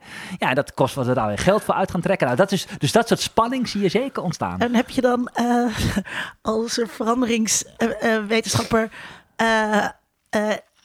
Kan jij natuurlijk ook weer, want jij bent ook een politiek wezen. Zeker. Kan je toch ook weer zo presenteren dat de dingen die jij eigenlijk vanuit jouw politieke opvatting beter vindt, dat ze daar eerder voor kiezen? Of Nou ben ja, ik nu ik heel, wel.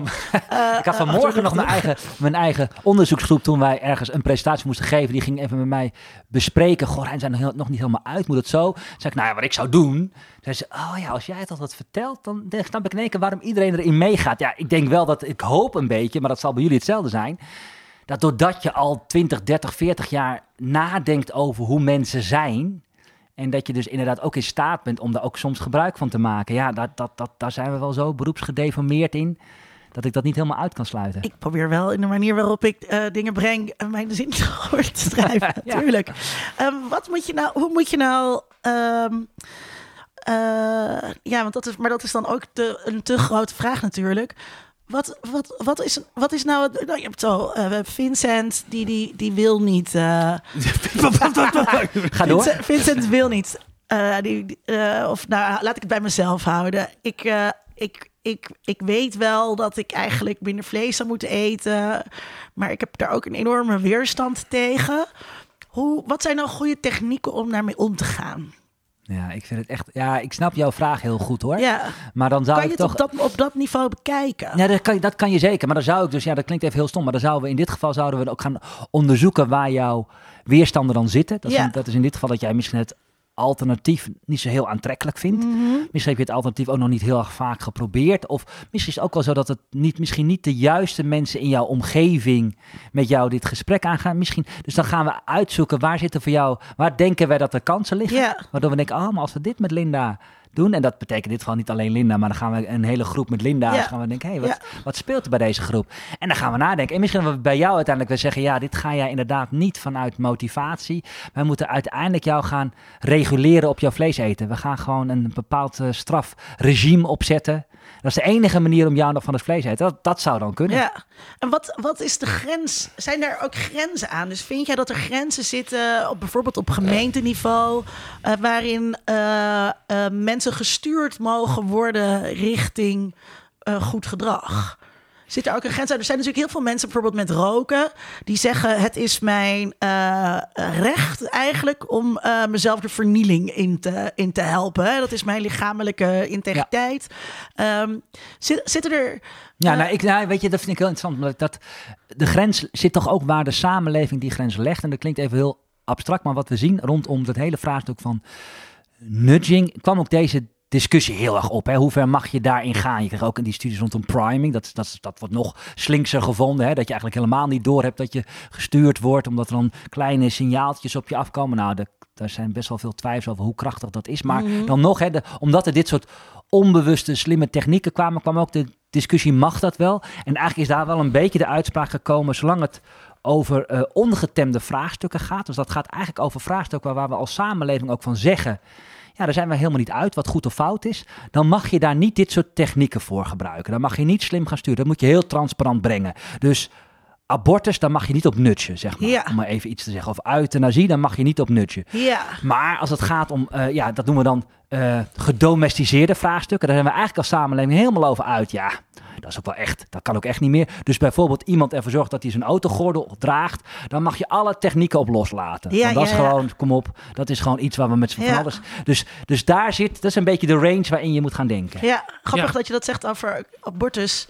Omdat ik dus het gevoel, dat is natuurlijk een eh, issue dat mij aan het hart gaat, dat de mm, eh, eh, pro-life organisaties die heel veel geld hebben, die hebben een hele eh, rijke achterban en een achterban die ook nog eens bereid is om dat geld eh, en die tijd eh, in, in dat onderwerp te steken, dat die het zo voor elkaar hebben dat zij dus eigenlijk wel kunnen nudgen, dat zij wel Google zoekresultaten beheersen, dat zij wel de eerste bron zijn waar mensen naartoe gaan. En dus wel met allemaal dit soort technieken mensen overhalen of proberen over te halen om, ehm, om geen abortus te Ja, nemen. nee, maar ik ben het heel en ik Ja. herken ontzettend die frustratie. Want dat is ook heel vaak dat ik zeg, ja, het lijkt me ook zo frustrerend dat je als overheid ziet hoe commerciële partijen alles tot hun beschikking hebben. Ja.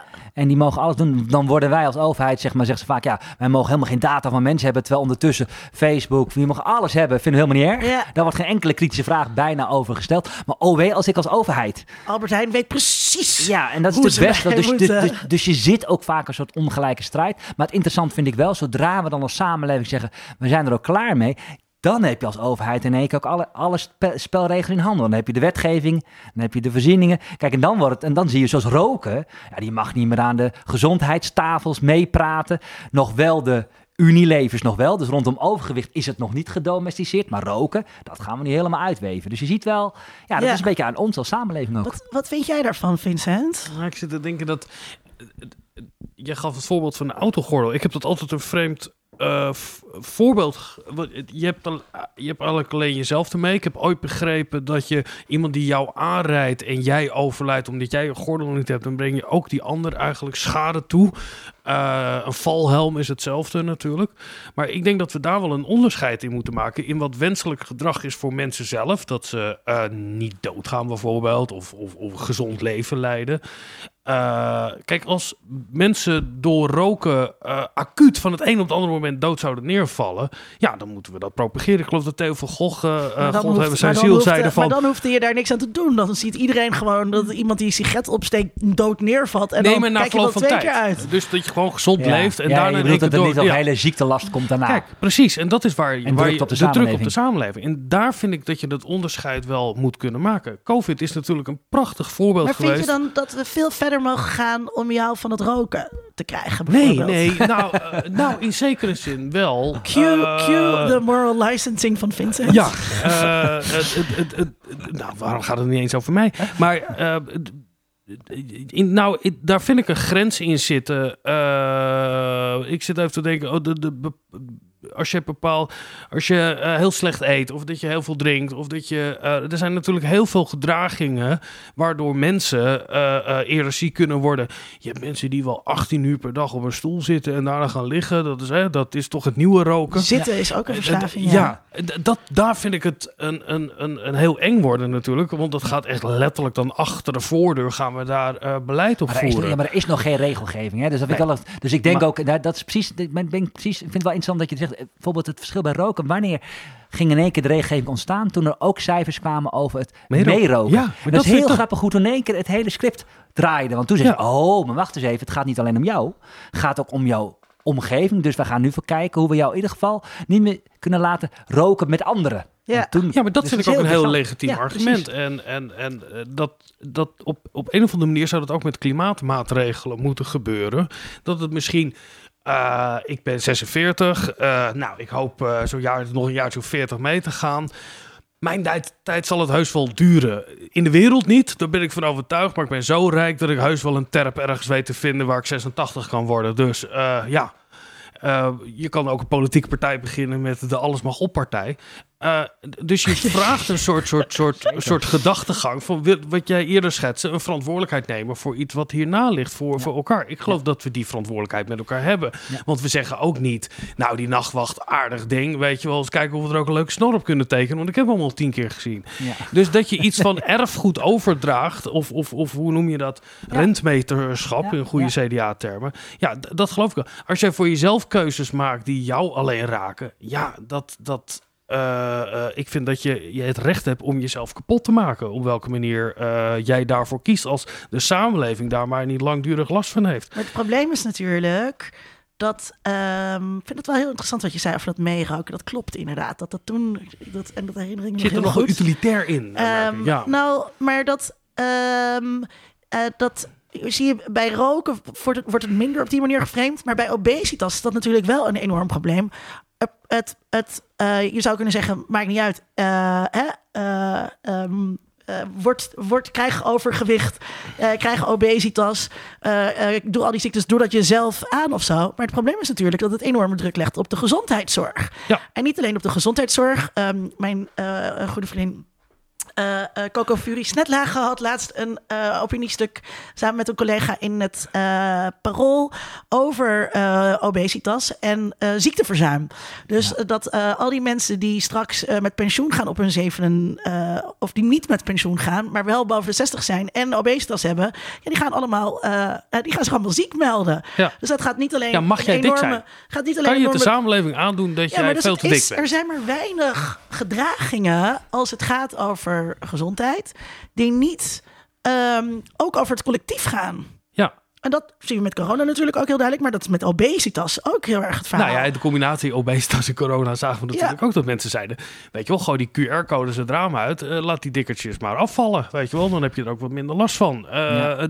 Dat argument werd, werd aangehaald. Zo werkt het trouwens niet als het gaat over het bestrijden Nee. van obesitas. Nee, nee. Eh, dat moet ook even gezegd worden. En ook daar moet je een heel instrumentarium op inzetten. Ja. Maar eh, eh, het argument van ik doe dit mezelf aan, bemoei je er niet mee? Ja, maar ik vind, we hadden, we, we- Dat dit gaat gesprek ging over het klimaat. En, en ik vind obesitas, en weet je wel, daar hebben we wat meer ziektekosten. En mensen vallen om, en verzuimen is allemaal heel vervelend. Maar we zijn extreem rijk met elkaar. We kunnen heus wel mensen die allemaal verschillende keuzes maken. In de breedte kunnen we heel goed opvangen als samenleving. Zeker wij in, hier in Nederland kunnen dat heel goed opvangen om die verschillende levensstijlen eigenlijk te faciliteren. Dat mensen daar rare keuzes of mooie keuzes in kunnen maken. Maar als het gaat over het klimaat, ja, dat is gewoon de, nou dat is de plek waar we wonen. Weet je wel, dat is het huis waar we allemaal in zitten. Dus daar gelden volgens mij andere regels voor. En is de urgentie daarvan een hele andere dan de mate waarin een deel van de samenleving te veel drukt op de zorgkosten. Dat vind ik van een hele andere orde.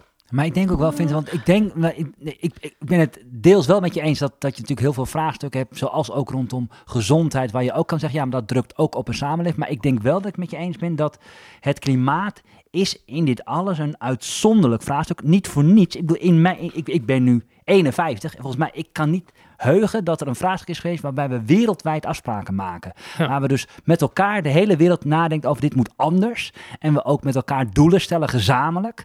En men zegt wel eens, ja, maar goed, waarom zouden wij wat moeten doen? Want waarom niet China? Maar China is ook op dit moment heel hard bezig. Er is bijna geen land op dit moment daarmee bezig. Dus in die zin is het klimaat ook uitzonderlijk. En vind ik het ook een uitzonderlijke tijd om te leven. Ik dacht eigenlijk dat het klimaat dit leven uitzonderlijk maakt. Nou hebben we de pandemie erbij gekregen. Nu heb ik een dubbel uitzonderlijk Ja. leven. Maar ik denk wel dat dit in die zin, eh, ja, voor in ieder geval mijn generatie, het vraagstuk is. De Hebben- poesjes hebben een spin gevonden. Kijk, Oh, dat is een hele Die loopt, mooie. naar, die loopt naar haar tas toe. Dan haal ik mijn tas even weg. Ja, maar ik vind het wel heel interessant wat die poesjes hier aan het doen zijn. Ze zijn samen met de spin bezig. Poesjes zijn ook een klein collectief, hè? De poesjes in mijn huis.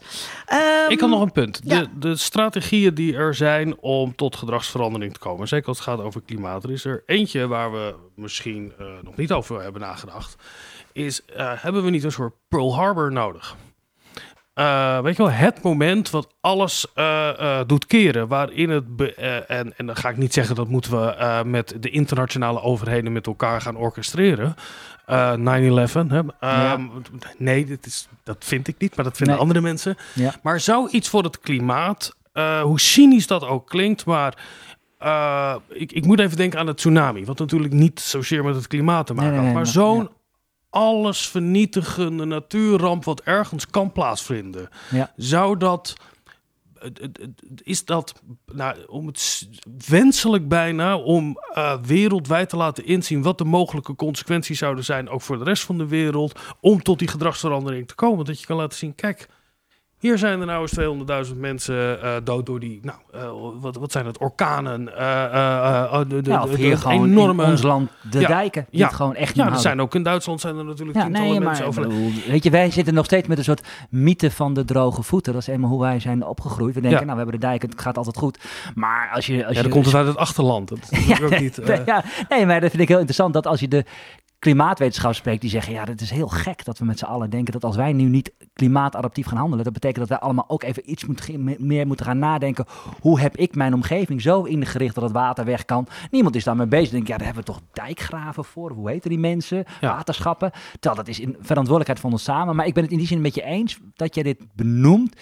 Ik weet niet helemaal of we echt een ramp nodig hebben op dat vlak. Maar wij zeggen altijd wel, een van de dingen die dit op kan lossen. En dat is ook in die veranderstrategie, die zit hier ook in. Maak het tastbaar. We kunnen nu wel roepen dat het een groot probleem is. Zolang ik het zelf niet voel of niet zie of nergens merkbaar is, denk ik, het zal wel. Ja. En dat was waarom ik natuurlijk ook... Het was natuurlijk heel grappig, of grappig, misschien niet de juiste term, maar dat in China ontstond er iets met een virus. Hij was al in Italië, wij dachten nog steeds, nou, ik weet niet, wij gaan gewoon carnaval vieren. En, en pas wanneer het echt in Brabant was, in één keer, dat zijn een beetje... Dan Toen gaan de- dachten we ook nog ja. eerst even, we houden het onder de rivier. ja, en we dachten, ja, ik weet niet wat we in Amsterdam hebben, maar dat is weer die Ja. gekke daar in het zuiden. Dus Ik ken dus geen Brabanders. Ja, Nee, dat, eh, ja. nee, maar dat is dus, maar dus, dus, dus ergens moeten inderdaad die dijken doorbreken, ook bij jou in jouw Ja. achtertuin, Ja, om te denken, verrek, ja.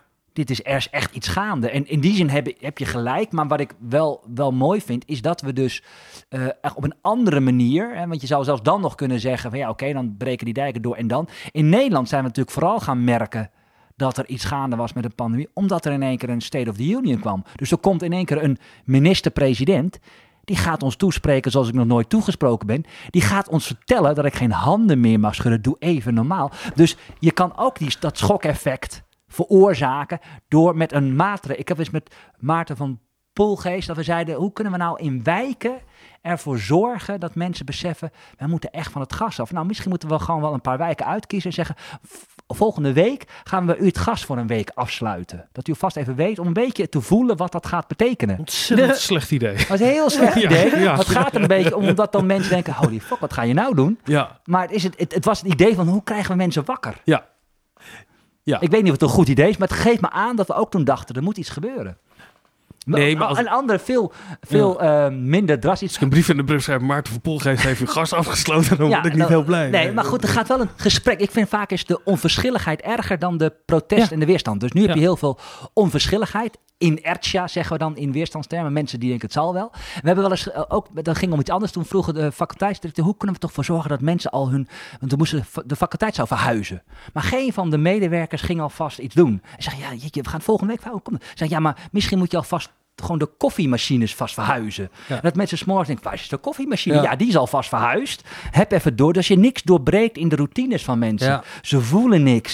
Ze denken, ja, het zal wel. Ja, waarom zou ik wat doen? Ja. Dus je moet iets alvast, er moet, en dat noemen we een rational override. Je moet even mensen stilzetten in hun dagelijkse gedachtegang. Dan is het even hip, het is iets Maar zo'n. Russisch-Oekraïns conflict waar, eh, eh, die, die nu speelt, Ja. Zou het zo kunnen zijn dat het afsluiten van de gastoevoer, waardoor de schaarste hier bestaat, niet een enorme spurt geeft aan alternatieve bronnen van energie? Dat dat, dat, dat eigenlijk de, de incidenten zijn. We weten allemaal dat in oorlogstijd bijvoorbeeld de, de, de innovatie gigantisch snel gaat. Ja. Eh, en dat er ook heel veel middelen voor. Moeten we niet naar. Wat ik eigenlijk wil zeggen, moeten we niet op een of andere manier een crisissituatie forceren op een of andere manier om deze verandering in gang te kunnen zetten? Een verelend doen. Ja. Ja, ik denk eerlijk gezegd... Ja, van je, ja, maar Vincent. Vincent, ik denk eerlijk gezegd ik echt, dat die ja. crisissituatie zich nu aan het ontstaan Ja, dat denk ik is. ook, Dus ik, we we- zitten in een... Nee, maar we zitten... Maar we alleen die is heel constateren dat tra- er- ja. maar die is heel traag. Maar het interessante vind ik dus nu dat het hele ambtenarenapparaat, of dat nou eh, lokaal is bij gemeenten of bij ministeries, die zijn allemaal die verandering nu aan het realiseren. En die, zijn, die weten ook, ik kan niet meer wegduiken. En natuurlijk het gebeurt dat nog te, iets te veel. Maar dat gaat echt, nogmaals, ik zeg altijd twee regeerperiodes. Dat is echt belachelijk weinig. Als je dan ziet wat er dan allemaal moet gebeuren. In die, dus, dus die stress bouwt zich nu op. Ja, maar moet de overheid dan bij gaan lappen op het moment dat de gasprijzen omhoog gaan? Dat vraag ik me dan af. We willen uiteindelijk van het gas af. Het is Ja. hartstikke hoog. Mensen gaan zoeken naar alternatieven. Dat lijkt Ja. me allemaal plus, plus, plus. Ja. Eh, en dan mag je best mensen met een kleine portemonnee daarin helpen. Heb ik geen enkele bezwaar tegen. Eh, eh, maar dit zijn volgens mij wel de ingrepen die van buitenaf nu komen. Die je kan omarmen om tot gedragsverandering te komen. Absoluut. We willen geen afhankelijkheid hebben van Rusland, want dat is een, eh, hè, de, de, een, zit een dictator. Dus we gaan afbouwen van gas en dat Ja. is ook goed voor, Ja. voor het klimaat. Nee, maar daar ben ik helemaal met je eens. Op het moment dat je zegt, er zijn al trends gaande en er ontstaat iets van een crisis ergens, gebruikte crisis. Dat is natuurlijk ook altijd... Hè, de- Never waste de- a good crisis. Ja, dat is natuurlijk de beroemde uitspraak. Maar ik, ik blijk, maar dat komt misschien wel omdat het, ik zelf niet helemaal zo in elkaar zit. Dat ik denk, goh, ja, laten we vooral een crisis forceren. Daar zit nog een beetje over na te denken. Om daar maar nou het hardgrondig ja op te zeggen. Is ook, of tenminste, het gaat ook over dingen die te kwetsbaar zijn. We Ja. kunnen niet zomaar zeggen, we zetten Limburg onder water. Nee, Eh, of om laten te we de daken, ja. of laten we maar even de dijken even iets minder goed Nee, we onderhouden. en dan de- zien de- dat het de, misgaat. de ring wegnemen of de, de, de autowegen in Nederland. Ja. Ik, ik, ik- je moet nooit meer asfalt bijbouwen. Dan komt het op een gegeven moment vast te staan. Ja. Dan gaan mensen op zoek Nee, naar maar een daar ben ik heel erg met je eens dat ik het heel gek vind. Is dat we nu de hele tijd een bypass. Dat is letterlijk, Ja. dat vind ik wel. Hè, we zitten al in een soort fossiele infarct. In plaats van dat we dan inderdaad zeggen dat kan niet, niet meer goed gaan. Gaan we dus allemaal bypasses bouwen om daar nog een beetje rondom heen. Dat vind ik wel heel gek. Ja. Dus daarom vind ik ook, en dan gaan we toch nog even. Daarom vind ik zo'n flitsdienst vind ik een symptoom van iets toestaan. We consumeren al ons helemaal kapot, letterlijk. En dan gaan we ook nog flitsdiensten toestaan. Dat ik om 12 uur ook nog iets kan bestellen. Ja. Nou, dan, denk ik, dan, word ik, dat, dan ontstaat er kortsluiting in mijn hoofd. Ja. Als ik Ehm, dat zie. Eh, Ja. ik, heb, ik was net afgeleid, maar ik ben er weer even helemaal bij. Ja, Update. je zag een spin de hele tijd, hè? Ja, eh, ik ben niet helemaal de grootste fan van spinnen. Update, eh Ook daar Frits. zei dat ik denk van, ja, het is een spinnetje. Maar ja, je bent bang Maar voor. hij was wel heel groot. Het was echt Ja. een groot spin. Frits heeft de spin opgegeten. Eh, het probleem opgelost. Arachnofobia, kan dat helpen? Nee. Ehm, je hebt het over. eh, dus willen is niet hetzelfde als iets doen. Of weten is niet hetzelfde als willen. Willen is niet hetzelfde als, eh, als doen. En dan noem je een aantal uitdagingen. Ehm, wat, wat, wat zijn die uitdagingen als het gaat over proclimaatgedrag? Wat, Nou, wat zijn eigenlijk net al behandeld. Dat ja, zijn volgens mij niet goed op zitten letten. Ja, Ja, nee, nee, nee, dat maakt niet uit. Ik snap het wel. Maar dat zijn eigenlijk die uitdagingen waar ik het net over had. Over het feit dat het dus echt collectief moet. Dat je het niet in je eentje kan doen. Dat het iets is wat eh, dat de opbrengst pas Oh, ver in de ja, toekomst ja. zijn. Dat zijn diezelfde uitdagingen die daarbij horen. Ja, ja, ja. Ja. Ehm, dan komen we aan het einde van de uitzending. Maar voordat we dat gaan doen, eh, heb ik nog opgeschreven terugkomen bij die vraag die jij Vincent had over eh, moraal versus architectuur. Ja, nou, we hebben het er wel over gehad, maar ik, ik vraag me... Ik ben er steeds meer van overtuigd geraakt dat als je die weg van het, het morele inzicht laat komen... Ik weet nog heel goed dat ik op de, op de middelbare school... dan hadden we eigenlijk ook al deze discussie over... en dan kwamen we altijd tot de conclusie... er moet een mentaliteitsverandering komen. Nou, hartstikke goed. En dat was weer het einde van de maatschappijleerles. En dan ging de deur dicht en... Studenten Dus komen we- er altijd stapten- mee. Bewustwording. Ja, we stapten Ja. tot onze Awareness. tweetaktbrommer en we de bromden naar huis. poster. Ehm, en- en dus ik, ik ben daar wat, wat terughoudend in dat ik denk een mentaliteitsverandering om vanuit een mentaliteitsverandering of een morele eh, ontwikkeling die eigenlijk dat, dat vind ik nog enger dat mensen tot een soort inzicht gaan komen dan, dan wordt het zendelingen en dat het om iets een, een, een crisis af te wenden waardoor om gedrag te veranderen waardoor een crisis wordt afgewend ik denk dat dat het, eh, helemaal. nou ja, de vraag die ik jou stel is: via weg doe je dat? En- en Ik ga nu een oordeel geven, want we lopen tegen het einde van de uitzending. Ja. Ik vind al die morele nudging waar je mee eh, aankomt, dat iemand zegt: nou, je kan dit of dit kopen, want dit is ietsje beter. Of doe de, ga eens, ga eens vier minuten koud douchen. Dat is, eh, nee, ga weg. Eh, belast mij gewoon. Ik betaal met alle liefde twee keer zoveel voor mijn gasrekening. eh, als ik langer wil gaan douchen. En dan gooi je dat geld in een pot waarmee je er echt iets zinnigs mee gaat doen. Precies. Als echte katholiek. Als ik een biefstukje wil eh, kopen en dat kost 70 euro, dan is dat mijn keuze om dat te doen. Is dat lullig voor mensen die dat niet kunnen betalen? Ja, maar er zijn wel meer dingen lullig. En als je daar wat nog lulliger is, dat de planeet eh, eh, naar, de, naar de kloten gaat. Dus ik vind die, terug, die, die, die zalvende manier van, goh, we gaan mensen tot inzicht brengen, een mentaliteit. We gaan ze laten voelen dat je een verantwoordelijkheid hebt voor de ander. En dat doen we wereldwijd en dan komt het goed. Nou, daar geloof ik helemaal niks in. Ik geloof dat er een sterke internationale samenwerkende overheid en een elite moet zijn die de de handen ineen slaat om eh, middelen beschikbaar te stellen en regelgeving te hebben om dit af te wenden, omdat we geen 300 jaar hebben. Is dat democratisch? Nee. Riekt het naar een, eh, allemaal dingen waar mensen boos over zijn? Zeker. Maar ik denk wel dat dat de manier is om te doen. En anders gaan we allemaal eh, een, een, nou, een 300 duistere jaren in of zoiets. En dan herstelt eh, de boel zich wel weer. Maar dat wat er zich dan herstelt, dat zal zeker niet ten bate zijn van de mensen die al het meest kwetsbaar zijn. Boze brieven kunt u richten aan ondermediadoktoren.gmail.com. Ehm eh, nou ja, ja. Vincent heeft ook weer zijn eigen vorm van weerstand. Ja, eh, ik merk het. eh, eh, die, die, die, daar, die daarin zit. Ehm, eh, Met hetzelfde gemak gooi je het in de glasbak. Dat is al niet waar. Het is veel makkelijker om het gewoon in je eigen vuilnisbak te gooien. Dus dit soort... Ja, op straat. Het is ja. veel makkelijker om een blikje op straat te gooien. Ja, ja, of voor hetzelfde gemak dat is een in de grap van vuilnisbak. Theo of wat. Maassen, las Ja. ik in... Zeker, in, ja, zeker, Ja, ja. Ja.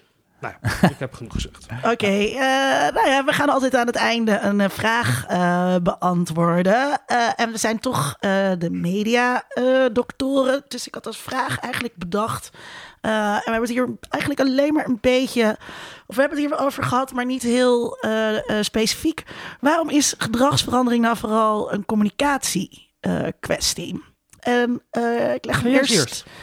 Ehm, nee, ik presenteer en ik heb, Oh de, ja. vraag, ik heb de vraag bedacht. Nou, volgens mij heb ik Nee, ik ga het, ik ga het Oh. anders doen. Zo, Oh, gooi ik hem andersom. Ja, doe, laat ik het Rijntjan eerst doen en dan, ja. en dan mag jij. Ja. Maar, Maar- jij zegt, ja, want jij zegt eigenlijk van, waarom is het alleen, ik, wil- ik, ik zou zeggen, is het alleen een communicatie. Nou, niet alleen, maar waarom, waarom, waarom, waarom is communicatie zo belangrijk Ja. als het gaat Ja, over dan- gedragsverandering? Ja, nee, ja, ja, ik denk dat het, dat het Want als ik, als ik zeg maar, eh, eh, vroeger, eh, toen mijn ouders mij probeerden op te voeden, niet helemaal gelukt is. en ik moest op een bepaalde tijd thuis zijn. Dan, dat was helemaal geen communicatiekwestie. Dat was Nee. een kwestie van straf. ja, Ja, Maar ik ga er toch ook vanuit dat op heel veel elementen van jouw gedrag en, en, en hoe jij eh, groot geworden bent en ook heel veel hopelijk toch ook wel met jou gesproken werd over de belangrijke waarden in het samenleving. Waar trouwens Vincent, ja, dat weet ik niet helemaal zeker, misschien wel vindt, ja, daar moeten we het helemaal niet over hebben. Nou, ik denk dat wat we eigenlijk zien vanuit de literatuur is dat ehm, waardoor ontstaat verandering. Nou, wat ik net een beetje schets is vanuit omdat ik er heel erg voor gemotiveerd ben. Nou ja, hoe, hoe ontstaat die motivatie? Omdat ik bepaalde kennis heb, omdat ik in gesprek ben met anderen en ik denk, hé, hey, jij zegt iets zinnigs. Dus communicatie vormt een heel belangrijk onderdeel van, waar, van waaruit ik denk, oh ja, dit vind ik belangrijk. Het andere is, ja, dat wat ze zeggen, ja, maar je moet ook de capaciteit hebben om te kunnen veranderen. Nou, om die capaciteit is ook vaak weer informatie voorzien. Het gaat over educatie, over wat zijn dan de belangrijke dingen die ik moet doen. Hoe doe ik dat dan? Dus daarin is ook communicatie heel belangrijk. En gelegenheid, ja, dat is dan die zo'n factor van, ja, dat moet ook in de context het zo georganiseerd zijn. Daar zou je kunnen zeggen, is communicatie iets minder van belang. Maar soms ook daarin kan zijn dat me toch wordt verteld waar ik dan moet zijn. Of, dus ik zie dat communicatie is voor mij totaal doorheen geweven. Dus eigenlijk sowieso kunnen wij als mens zonder communicatie niet functioneren, denk ik. Maar communicatie is om te veranderen. Ja, zo'n wezenlijk onderdeel van het hele vraagstuk. ja, ja. Vincent, waarom is communicatie hier zo belangrijk? Waarom niet gewoon straffen, zoals jij zegt, met, Nou ja, eh, met ik moest boetes? denken aan, en, aan, eh, aan jouw opvoeding en wat daar allemaal is eh, goed gegaan en niet. Maar ik, ik, ik kom nu wel eens bij een kinderdagverblijf en eh, daar lopen dan kinderen van 1 à 2 rond. Eh, en dan zie ik een, een moeder of een vader, dat doet er niet toe, met een kind onderhandelen van één. Ja, ik vind het toch wel fijn als je je jasje aan doet, want het is buiten hartstikke koud en dan krijg je het koud. Nee, ik vind toch wel dat je je jas... Doe normaal. Eh, als een kind zonder jas bij, dat is geen onderhandelingspartner daarvoor. En dat heb ik ook met dit soort communicatie. eh, tuurlijk is communicatie uitleggen, is belangrijk om die andere drie domeinen toe te lichten waarom het belangrijk is. En je had het over wetgeving, je had het over belasting, en je had het over infrastructuur, wat je daarmee eh, inricht. Dat moet je daarmee uitleggen. Maar dat verleiden, zoals een vader met een kind van anderhalf, nou, ik vind het toch wel fijn dat je, papa wordt heel blij als je je jasje aan hebt. Ja, oh, ben jij een stoer meisje dat je je... Ga maar, weg. maar tegen Ja. een kind zeggen, eh, gewoon uitleggen, eh, want dat is informatievoorziening. Als jij je jas niet aandoet, heb je het straks koud. Ja, dat, dat, ja. dus je, we gaan hogere belasting heffen op dit soort dingen, anders gaan we allemaal dood.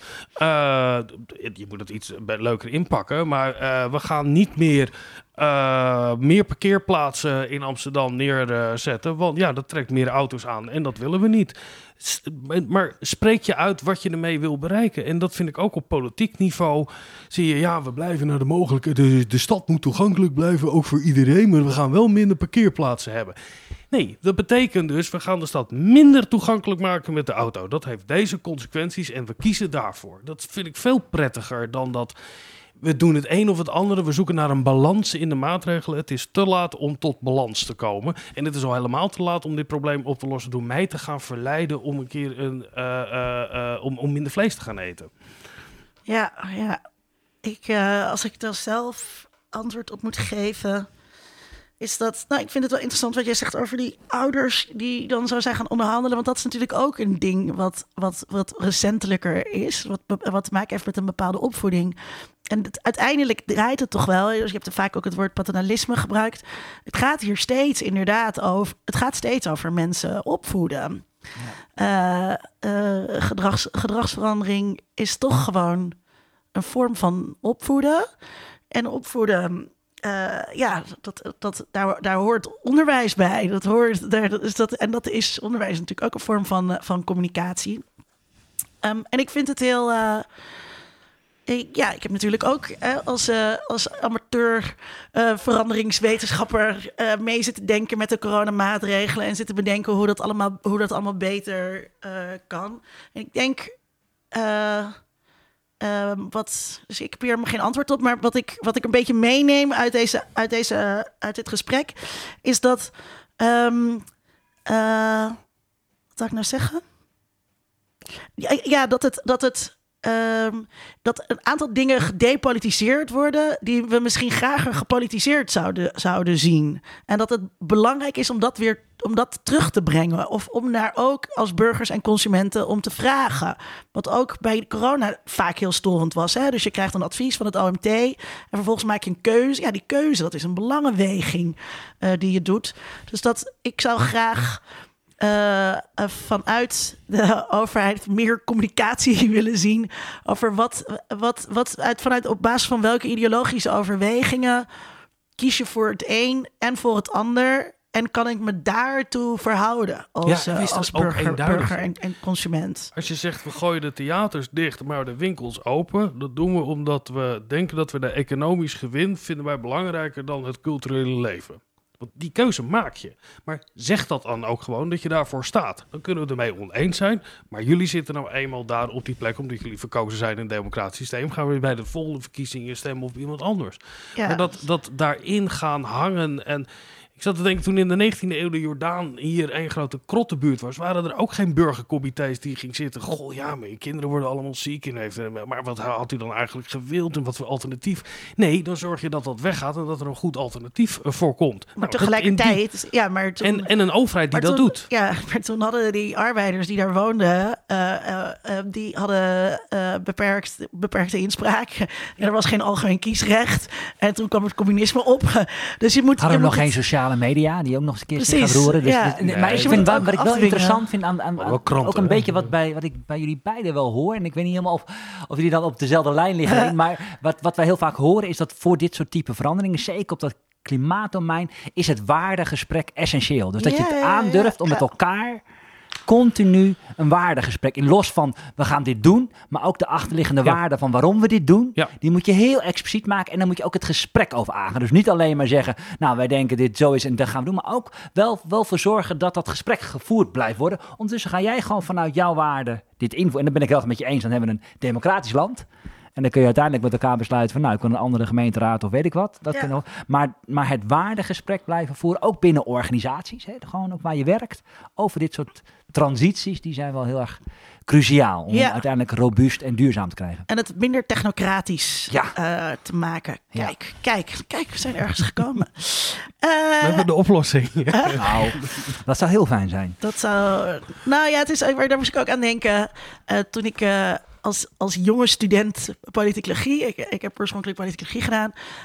Um, en ik zie dat vaak bij studenten willen graag een soort allesverklarend model maken.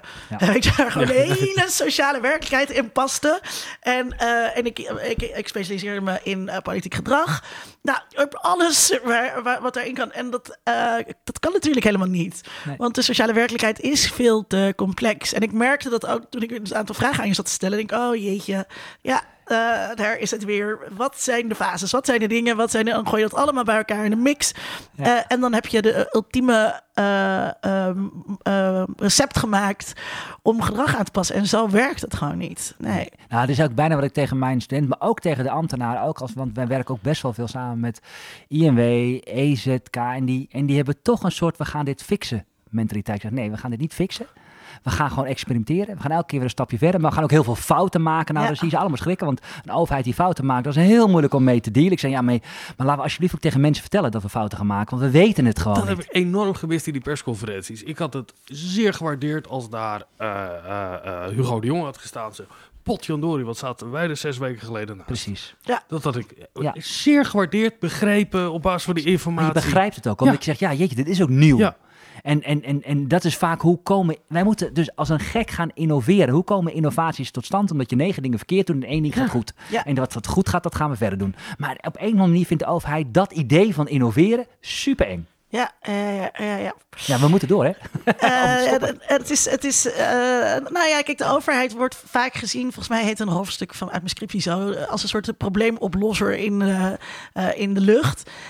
en dan ziet de overheid zichzelf soms ook, soms wel, soms en soms niet als dat. En, dat. en dat is natuurlijk ook niet zo. Dat moet je ook, dat moet je ook nee, aan mensen Sterker nog, over, want we zeggen heel vaak, ga nou, als je met je, als je met je wijk wat wil, ga nu alvast met al die wijken het gesprek en zegt, ja, maar Rijnte weet nog helemaal nog niet wat we met de wijken willen. Dat kan wel zijn, maar je kan alvast tegen de, tegen de wijk vertellen, er gaat wat veranderen. Kijk, met zo'n wijk, dan moet net als in een verhouding, als ik iets wil van die ander en die ander die kent mij helemaal niet. Ik zeg al, ik zeg wel eens, ga nou eens naar je wijk, ga eens kijken hoe verliefd zijn jullie. Is dat nul ijskoud of honderd? We zijn super verliefd. Als je zegt, we kennen elkaar amper en jij komt dan vervolgens, we gaan je hele wijk dus op. Denk, nou ja, ben je even gek? Ja. Terwijl je zegt, ja, we kennen elkaar al, we zijn al wat langer in gesprek. Ja, ga, die, ga die relatie ook opbouwen. Ja, en dat vinden ze heel moeilijk. Ja. Omdat ze zeggen, ja, nee, we komen pas als we het probleem op gaan lossen. Nee, je kan alvast het hebben over dat er een probleem is. En we gaan hopelijk samen met jullie dat probleem oplossen. Maak, la- maak ze mede-eigenaar daarvan.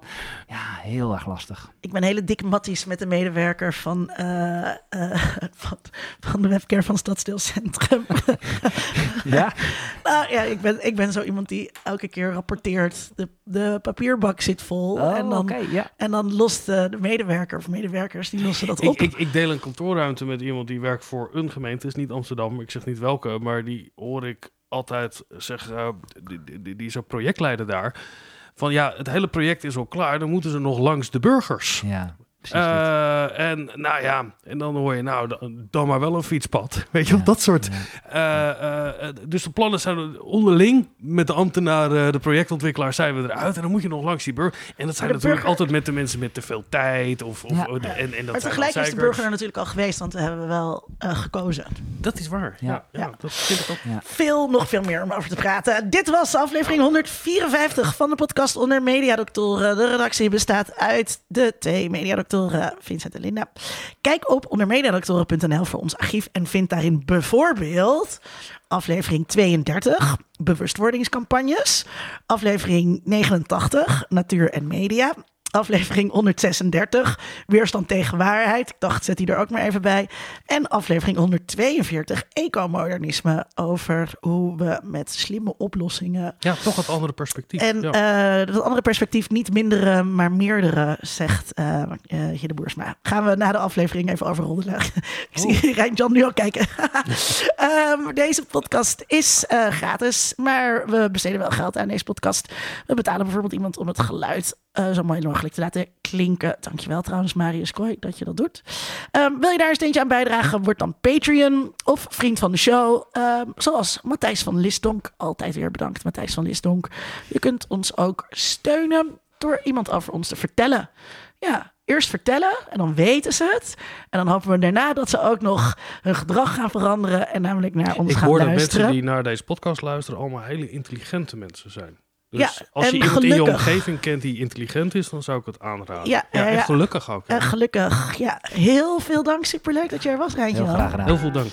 Eh, over acht jaar zien we je Ja, weer. we elkaar weer. En Als de hopelijk planeet misschien nog een keer bestaat. eerder als er, als, er, als er gelegenheid is. Eh, ook heel veel dank aan jou, Vincent. Jij ook bedankt. Over twee weken zijn we er uiteraard weer. Tot dan. Onder Mediadoktoren is een podcast van Vincent Kronen en Linda Duits. Meer informatie vindt u op ondermediadoktoren.nl.